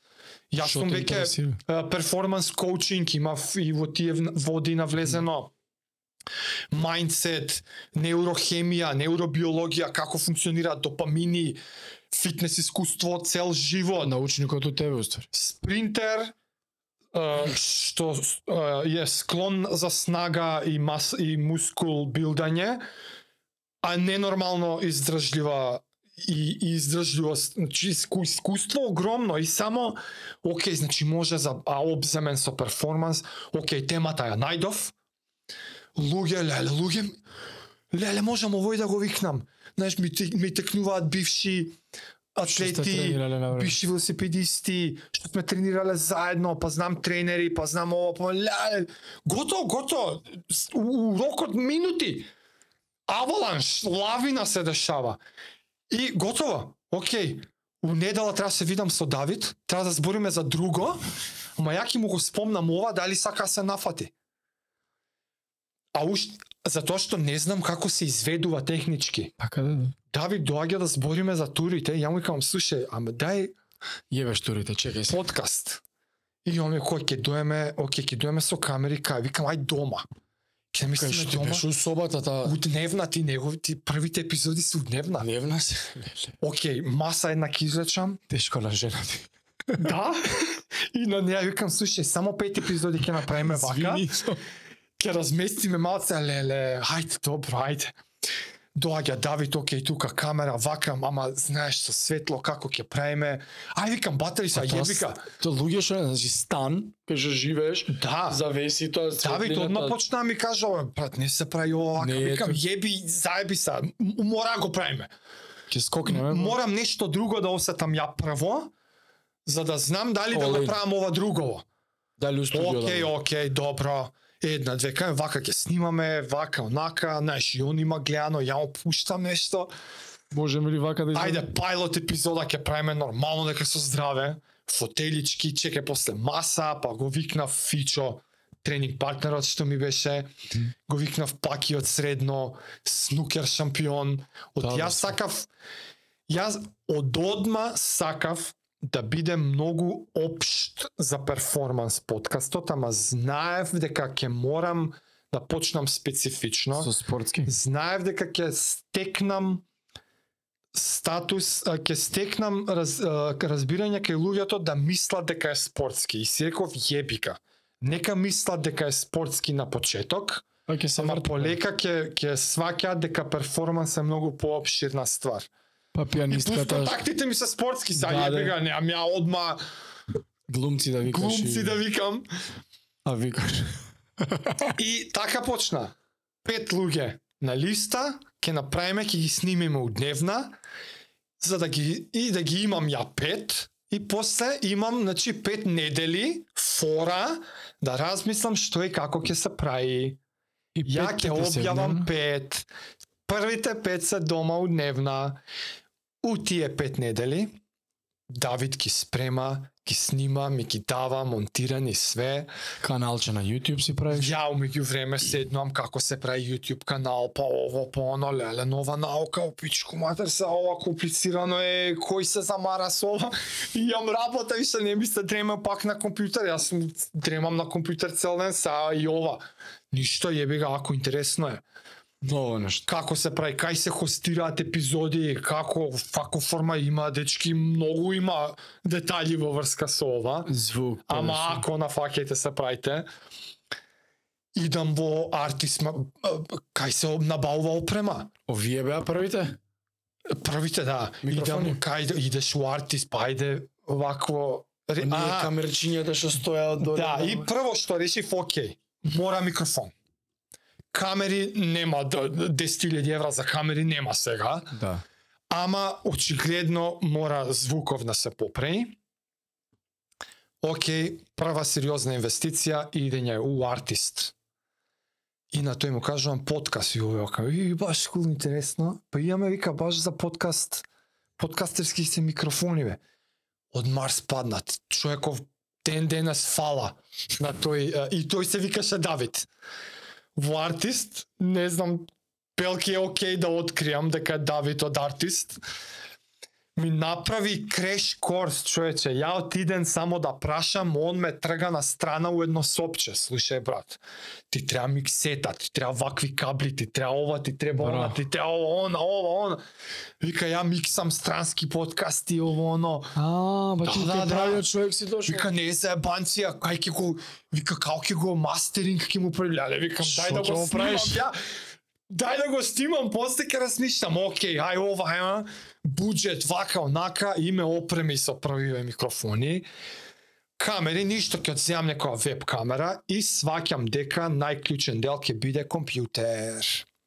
Мене работниот компјутер не ми е баш видео машина. Не ти, а ја мислев дека тоа по дефолт. Не, не, моја, мојата машина е, врази се на сервер и куцај таму. Видео едитинг е Не заебана работа. друга работа. И компјутер, тоа беше првата инвестиција, сериозен компјутер за да врзеш ти сеа камери, да процесираш видеоканали и аудио канали и миксети и све. И на жена ми дома, а знам дека и она обожава таков предизвик, имаме една екстра соба дома, што беше тренинг рум. Викам, слушај, тренажерчево ќе отргнеме ваму. Еве ти сега викам Бланко, направи ми канцеларија, ама и студио. И која зема она. Оп, Say no more. е ваква маса, вакво сточе, вака ќе наредиме тука, во тука, оно, и она го намести. Кога дојде ти кај мене у канцеларијата, тоа беше Ја бев која, нека 8 нека 9 осма, девета. Значи ти пет ти се вамо, јас сум Да. 2 Ти 3 си 4. пет, четврти, пети у првото студивце дома у канцеларија.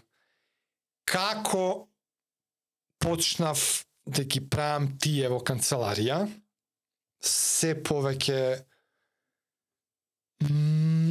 се во ова. Не преубаво исполнување ми ги сруши сите очекувања за убаво. Аха. Мојата желба ги беше у старт, готово. у старт ги надмина. Мојата желба беше сакам да зборам со луѓе на оваа тема.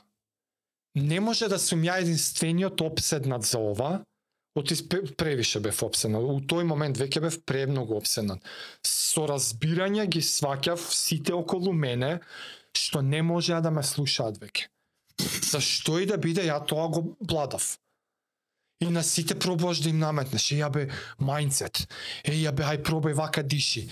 Бе, зашто не вежбаш? Зашто не... Абе, види како не... У реду, Томе, у реду. Опушти се. Сваќа, ама види ја книгава, нати книги. И ја ми требаше луѓе да зборам на таа тема. Жена ми... Слушай 20 една будала. 20 години сме со жена ми. 15-20. Ки израчунам убаво. Нека не се. Но нас нема што не знае. И тоа ми беше мене. И кога договарав, например, тоа ми беше многу интересно кога reach out, кога правев на луѓе, со некој со кој што разговарам, а веќе почнувам да канам луѓе што не ги знам. Да, Леле, да, тоа е малку различно. Како ќе изреагира? Буквално од без- Марс падна здраво и здраво. Јас сум имав спремно цел реферат. Без никаква задња Ја намер. морав да објаснувам прво што е подкаст. Зошто го правам? Дека немам агенда, немам Да. спонзор. Не ќе нема ништо. Мене тоа ми беше на почетоците. Како да им објаснам на луѓе дека желбата ми е само да збориме за тоа ти што правиш. Не јас. Јас сум многу љубопитен за тоа ти што правиш и вака имаше неколку пати на почеток, ама зашто е ова ми прашува. А викам јас сум ова и ова многу ме интересира, ама кај оди ова? А викам иде на YouTube, Мене ми е јако. подкаст, а подкаст, а бијам чуено тоа подкаст, знаеш, некој ќе слушне. И така беше, и како доаѓа, запознаваш нов човек, пак обседнат, Нова сфера. друг обседнат, друг И обседнат. у различни гранки И се. у различни и, и ми се ми се ми се потврдува мислата дека да не сум сам. Си постојат луѓе, сека сепак и знаеш. Те знам тебе, дека постоиш, го знам Столе, дека сепак познавам бајги шампиони на државата. Ама ете прилика да ги запознавам лично, да дознам кој ти сега што дознаваш за Да, мене. да. Зашо? Така и јас за сите тие. Леле, абе, не ме интересираше бе кој гледа, кој не гледа. Да, да. Ја едва и чекав да седнам со некој да разговарам. Абе, по, по десетици на ден покани. Спремни, само ги праќам на Инстаграм, ги праќам, ги праќам.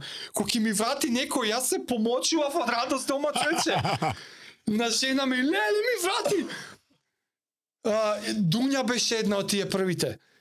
Пианистка. А, да, појма, знаеш, а, ја сум ја гледал, сум ја слушал а, велосипедски првак, окей, пианистка, леле, ете прилика, ќе збориме за пијано. Праќа ми вр... Дуња, фала ти многу, Дуња ми враќа, еј, важи. И на жена ми, види, пианистка, абе, радости дома. Стефан ММА. Mind blown, ја му пишам, он е исто еден од првите. Да. З- Јас знам за ММА знаеш дека ово оно и му кажам вака и вака поима немам. Еј, важи ќе доам. Унака, знаеш, знаеш колку не зна преубо и ден денес ми е тоа, Ама секој сега и гостин. гледаат луѓе им е мерак да се и гости. Така почна тоа. Така ја истерав цела таа година, 20 на епизоди, па ти кога дојде, ти пак дел од приказната не знаеш. Даре ми е мене од Знам. мало другар. Знам бе, знам. Ја знам, ја ми дое, чекај, морам викам кросфит да, да опфатам у, у подкастов. Уште на почеток, уште После првите те пет епизоди, мене ден денес ми стои Google документ стотици. Ја одма седнав. Стотици Кои биги? теми, имиња, теми, потенцијални прашања, што може да се обработува, стотици, само ги штиклирав. Ти кросфит беше тука одма. Океј, доаѓа време за кросфит, кој да барам за кросфит, ми текнува на га- даре, го наоѓам вака и вака, ама во исто време ви пишав. И на него и на тебе. Даре нешто не моеше, тогаш имаше обрски, а ти ми враќаш од одма, еј, важи, ајде бе, А ја те знам као шампион и ти ми дое како изненадување. Еј види го бе одма. И плюс што не беше паднат од Марс. А што е сега ова? А зашто ќе збориме? А кој си ти? Не бе не, еј ај одма подкаст кул. И одма знаев, еј овој знае, овој, овој прати подкасти. И кога дое и уште одма ти кажав, кога завршивме, еј најподкастерски муабет беше ова. Некој на МТ. И така некако, и што беше муабетот? Со гостите што си им праќал, кои ги ти Да, вратат. значи така праќав глује, радости кои ќе дојдат. А, ап, апгрейдот. Дека првата сезона сме ја затвориле. Е, така да. И у таа сезона ти дојде два пати Три пати. и сакав да со тебе ја затворив и а, намерно си кажав правам пауза. Ова сакам да го направам поубаво. Па или на Арсова, мислам, беше, така беше. И сега во тоа лето, кога јас се давам скроз да правам апгрейд, почнувам да барам простор, почнувам да размишлам за видео. Почнувам да рачунам колкава инвестиција ќе биде. Што тие и црно-бели беа, мислам, првите. Тие беа вебкамерчиња стаени дома. Сваќам дека не само што ми се свиѓа многу подкастерството, затоа што се правам сам. Значи, освен првите епизоди Давид што ми ги спреми скроз комплет, после тие се во врска со ова ја правев сам. Значи, монтирав дома аудиото, видеото, да да сецкаш да правиш такви Ние на ствари. една епизода тестиравме со свич на камера, баш Да, ќе ми па- ќе ми заштеди у едитинг, да. е, па аплод, па вакво студио, па онакво, ја и у тоа се пронајдов многу. Во видео едитинг, во софтвер, во техничкиот дел. Ти сепак сум и Нормално. у компјутераш. Многу ме повлече и тоа. Јас сакав и во самата продукција си видов предизвик. И тоа лето ми беше она квест. Бев на мисија, камери ресерчав. Тука дојде и Младен, другиот копродуцент. Со Младен се знаеме од одредени полуроднински врски преку сопругата. Мислам се знаеме, имаме таква конекција. И како на прв пат го виде студио или го знаеше претходно? А, не, знаев за Младен дека е во тие аудио води. Радио, телевизија, видовме, дојдовме тука, ова било предходно друг вид на студио, па Да, почнавме заедно, за музика, нели? планови, да. И ја му викам, оке, ама ќе менјаме, важи, важи, супер. Он, он огромна помош ми беше со видео делот. Ја на него буквално му реков, слушај, ми се прави full upgrade. Не баш unlimited budget, ама дај нешто што може сериозен квалитет да даде, да не е од бит пазар, и ги имам одреден буџет тргнато на страна, два-три точаци worth, и онака више Кој вози бајкови, знае?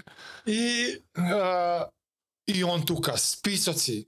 И он, нова лекција. Како тој од артист за аудио, нова лекција беше младин за, за видео. Чека, вика, не се камери. објективи, кабли, вакви свичови, онакви процесори, не знам, тука ваков конвектор, она, ао, викам, не, до толку не можам. Чекај светла ти фала. интересно ми е, бива ли да некако да го направиме ова заедни, ко? Викам, мо, не, ќе ви пределам на вас, таман така и ја малце ќе се ослободам и уште по-професионално ќе се осеќам ја. Нема проблем, тим. нема проблем и така се направи таа таа дружба. Maxstream Productions. Макстрим продукција, имаме, значи, сериозно тука опремено, што требаше младен спи, буквално вака, список ми дај, јас со список отидов в продавница. Ова ми треба. На. Бум, бум, бум, бум, бум, бум, бум, колку треба на фактура, чао, пријатно. Доав тука само ја остив од со се кутиите. Доаѓам за недела дена, бум. Стварно? Нов предизвик само на сопругата, слушај, четири празни зида, Што да стави? уредувај. И она исто подкастчиња виде неколку ово оно. Ја и реков неколку реквизити што мора да стојат. И другото е нејзино дело. И така се направи апгрейдот. Па тука дојде со, тоест некак со Илина Арсова беше Е, тоа ме, тоа ме праша, да. во Охрид. Тоа лето, ја имав пратено на Илина покана, ама ја затворив сезоната. А, не, не објавува веќе. Неколку дена после нашата последна епизода од таа прва сезона, мене Илан Илина ми врати повратен одговор, еј важи. И јас сватив дека окей, оваа ќе мора да ја снимам, ама ќе ја чувам цело лето. добро. Так, За- така и направи. И така искочи. Ја таа ја снимав со вебкамерчиња. Ние отидовме со Давид со компјутерот, со, Со вебкамерчиња. Оние стоечките Да, микрофончиња. и о- поентата беше што она ми кажа, леле супер идеја, исто огромна благодарност што Илина Е, име. ама не потпраша ништо. Важи, не. важи да одма. Ги разбира работи. Само ми вика ќе те замолам, не можам да доам у Скопје, морам да седам во Охрид. Во куќата кај неа нејзина што е таму. Океј, викам, ја со Давид прајање договор, слушај, ајде идеме таму, ќе бивали, ајде вика ќе снимаме, што има везе, ќе наредиме, ќе најдеме, ќе снимаме. Викам, ај пар, ај, која идеме више, ај ќе оправиме као a day in the life. Кој што е оригиналната идеја со точаците. Е, така, и така, и тука и тоа Па, маца се тренинг поврза, да, и тука Таму си тренизите. пливал пак, гледаш? Да, и тоа кажувам, ова ми е право пливање после не знам колку време. Илина не пречека, леле каков ден беше тоа, не пречека, тренингче, па у куќата кај неа, па ние дури да местиме на остај, дечки, правите слободно тука у дворот местиме. Нешто имавте временско ограничување, мислам.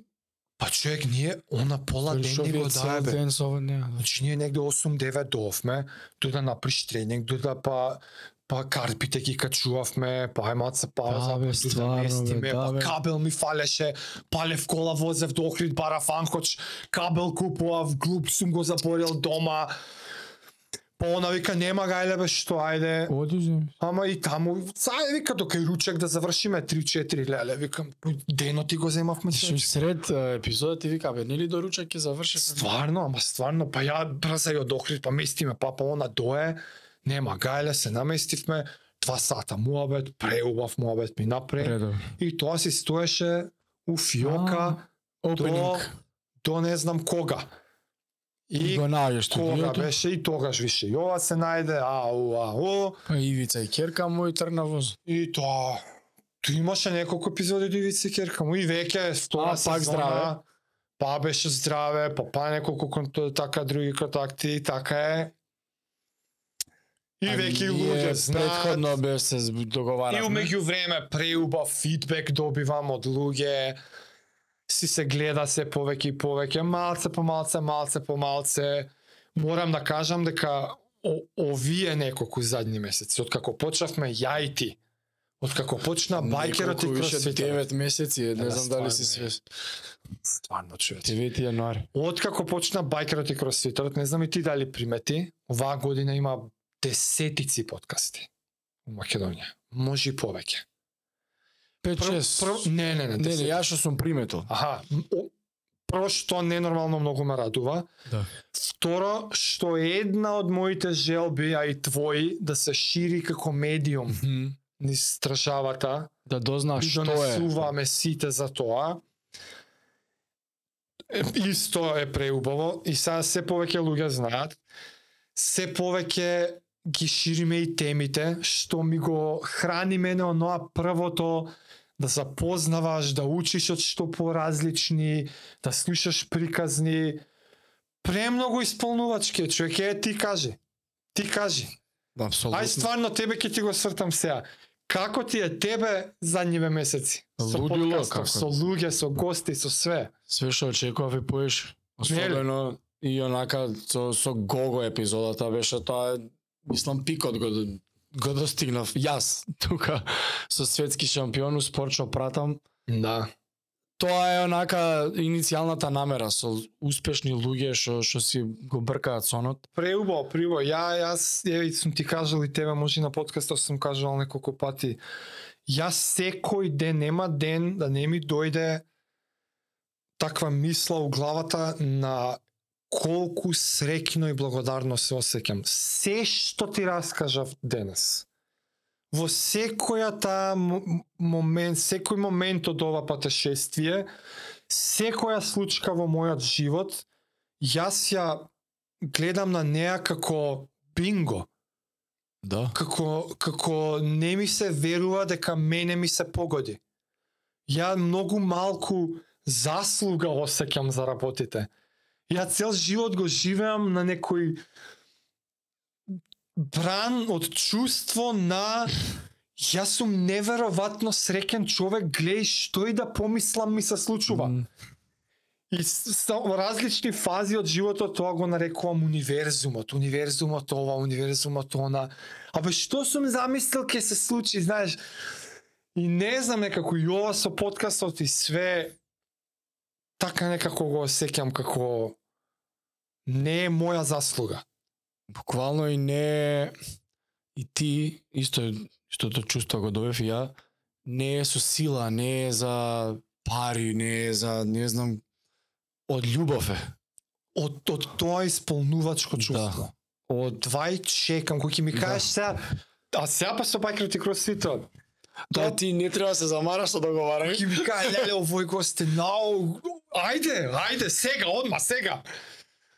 Луѓе, луѓе не знаат дека еден од најкомплицираните аспекти на сето Да, ова се е координација. Особено тројца плюс студио плюс некој со луѓе. Затоа сме може и некад досадни колку често благодарност да благодарно не знаете што се случува behind the scenes. дур да дур да се договориме со човекот ти замисли кој се има дојдено у каков нивни распоред на на денови Човече од друга држава тука, чеки професионалци спортисти ти доаѓаат од, од други држави, од не знам.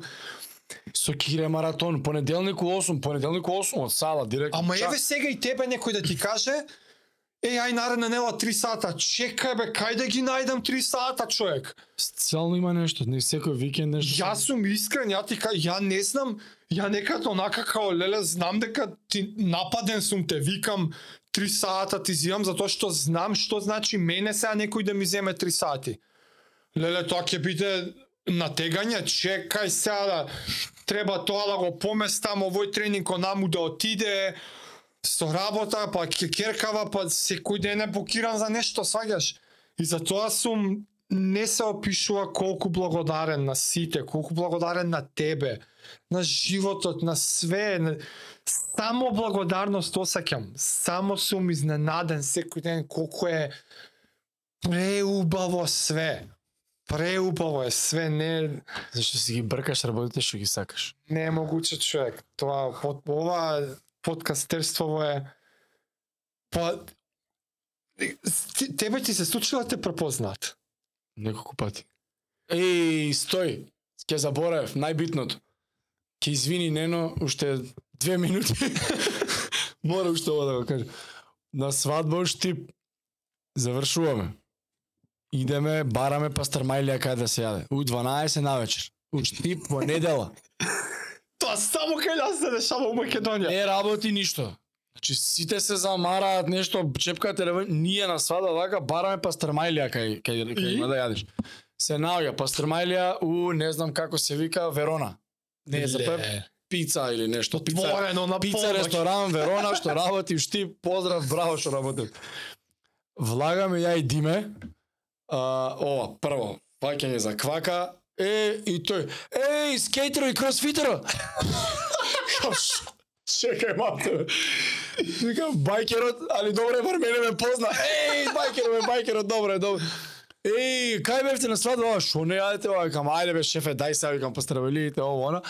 Викам, ќе те спомнам кој ќе е овакво, кој ќе снимаме следен пат. Човек, не ми се веру, мене неколку пати И ова после епизодата кога го немавме видеото, исто еден дечко, тај тој од кој Господ пратен беше. Еле да, тоа ти беше јако. И викам, фала ти, друже.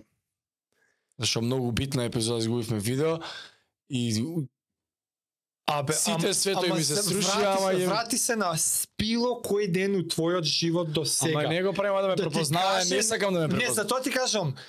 Да ти Ми каже некој дека некој некад ќе те препознае на улица. Ама не сакам, не ми е, мене непријатно ми е. тоа. Мене ми е не ми се верува. Да, ама Мене мене неколку пати ми се има случано. Неко може десетици пати до сега не ми се верува човече. ало штипу И прво што ми доаѓа е радост дека се гледа подкаст. да. Не нашиот. Не, ма, дека знае, дека не ме поврзува со шампион на Македонија, не ме по, со ништо, со подкаст ме, ме поврзува. Тогаш не ме Што познал. значи знае што е подкаст. Мене тоа ми доаѓа. Секој пат кога ќе каже некој, окей, кул, супер, плюс еден човек што гледа подкаст. Да. И ти што ми го прати со медитација епизодата, медито дека си имно. Да, и, да. И само викам, топ, мисијата А, сме такви- еден човек. Еден, толку. Тоа не се препознавања. Тоа Не, не, се ако- само Охо, Користење. И за пост кога ми каже, не викам, топ, еден човек. Топ, не треба. Да, да, да, да. Е па томе, тоа е тоа. Фала брат. Супер епизода. Фала. Гледате ја цела, нема да ја делиме од два дела, као мојата. Кој ќе издржи до крај, нека не пише. Ај, чао. Ајде.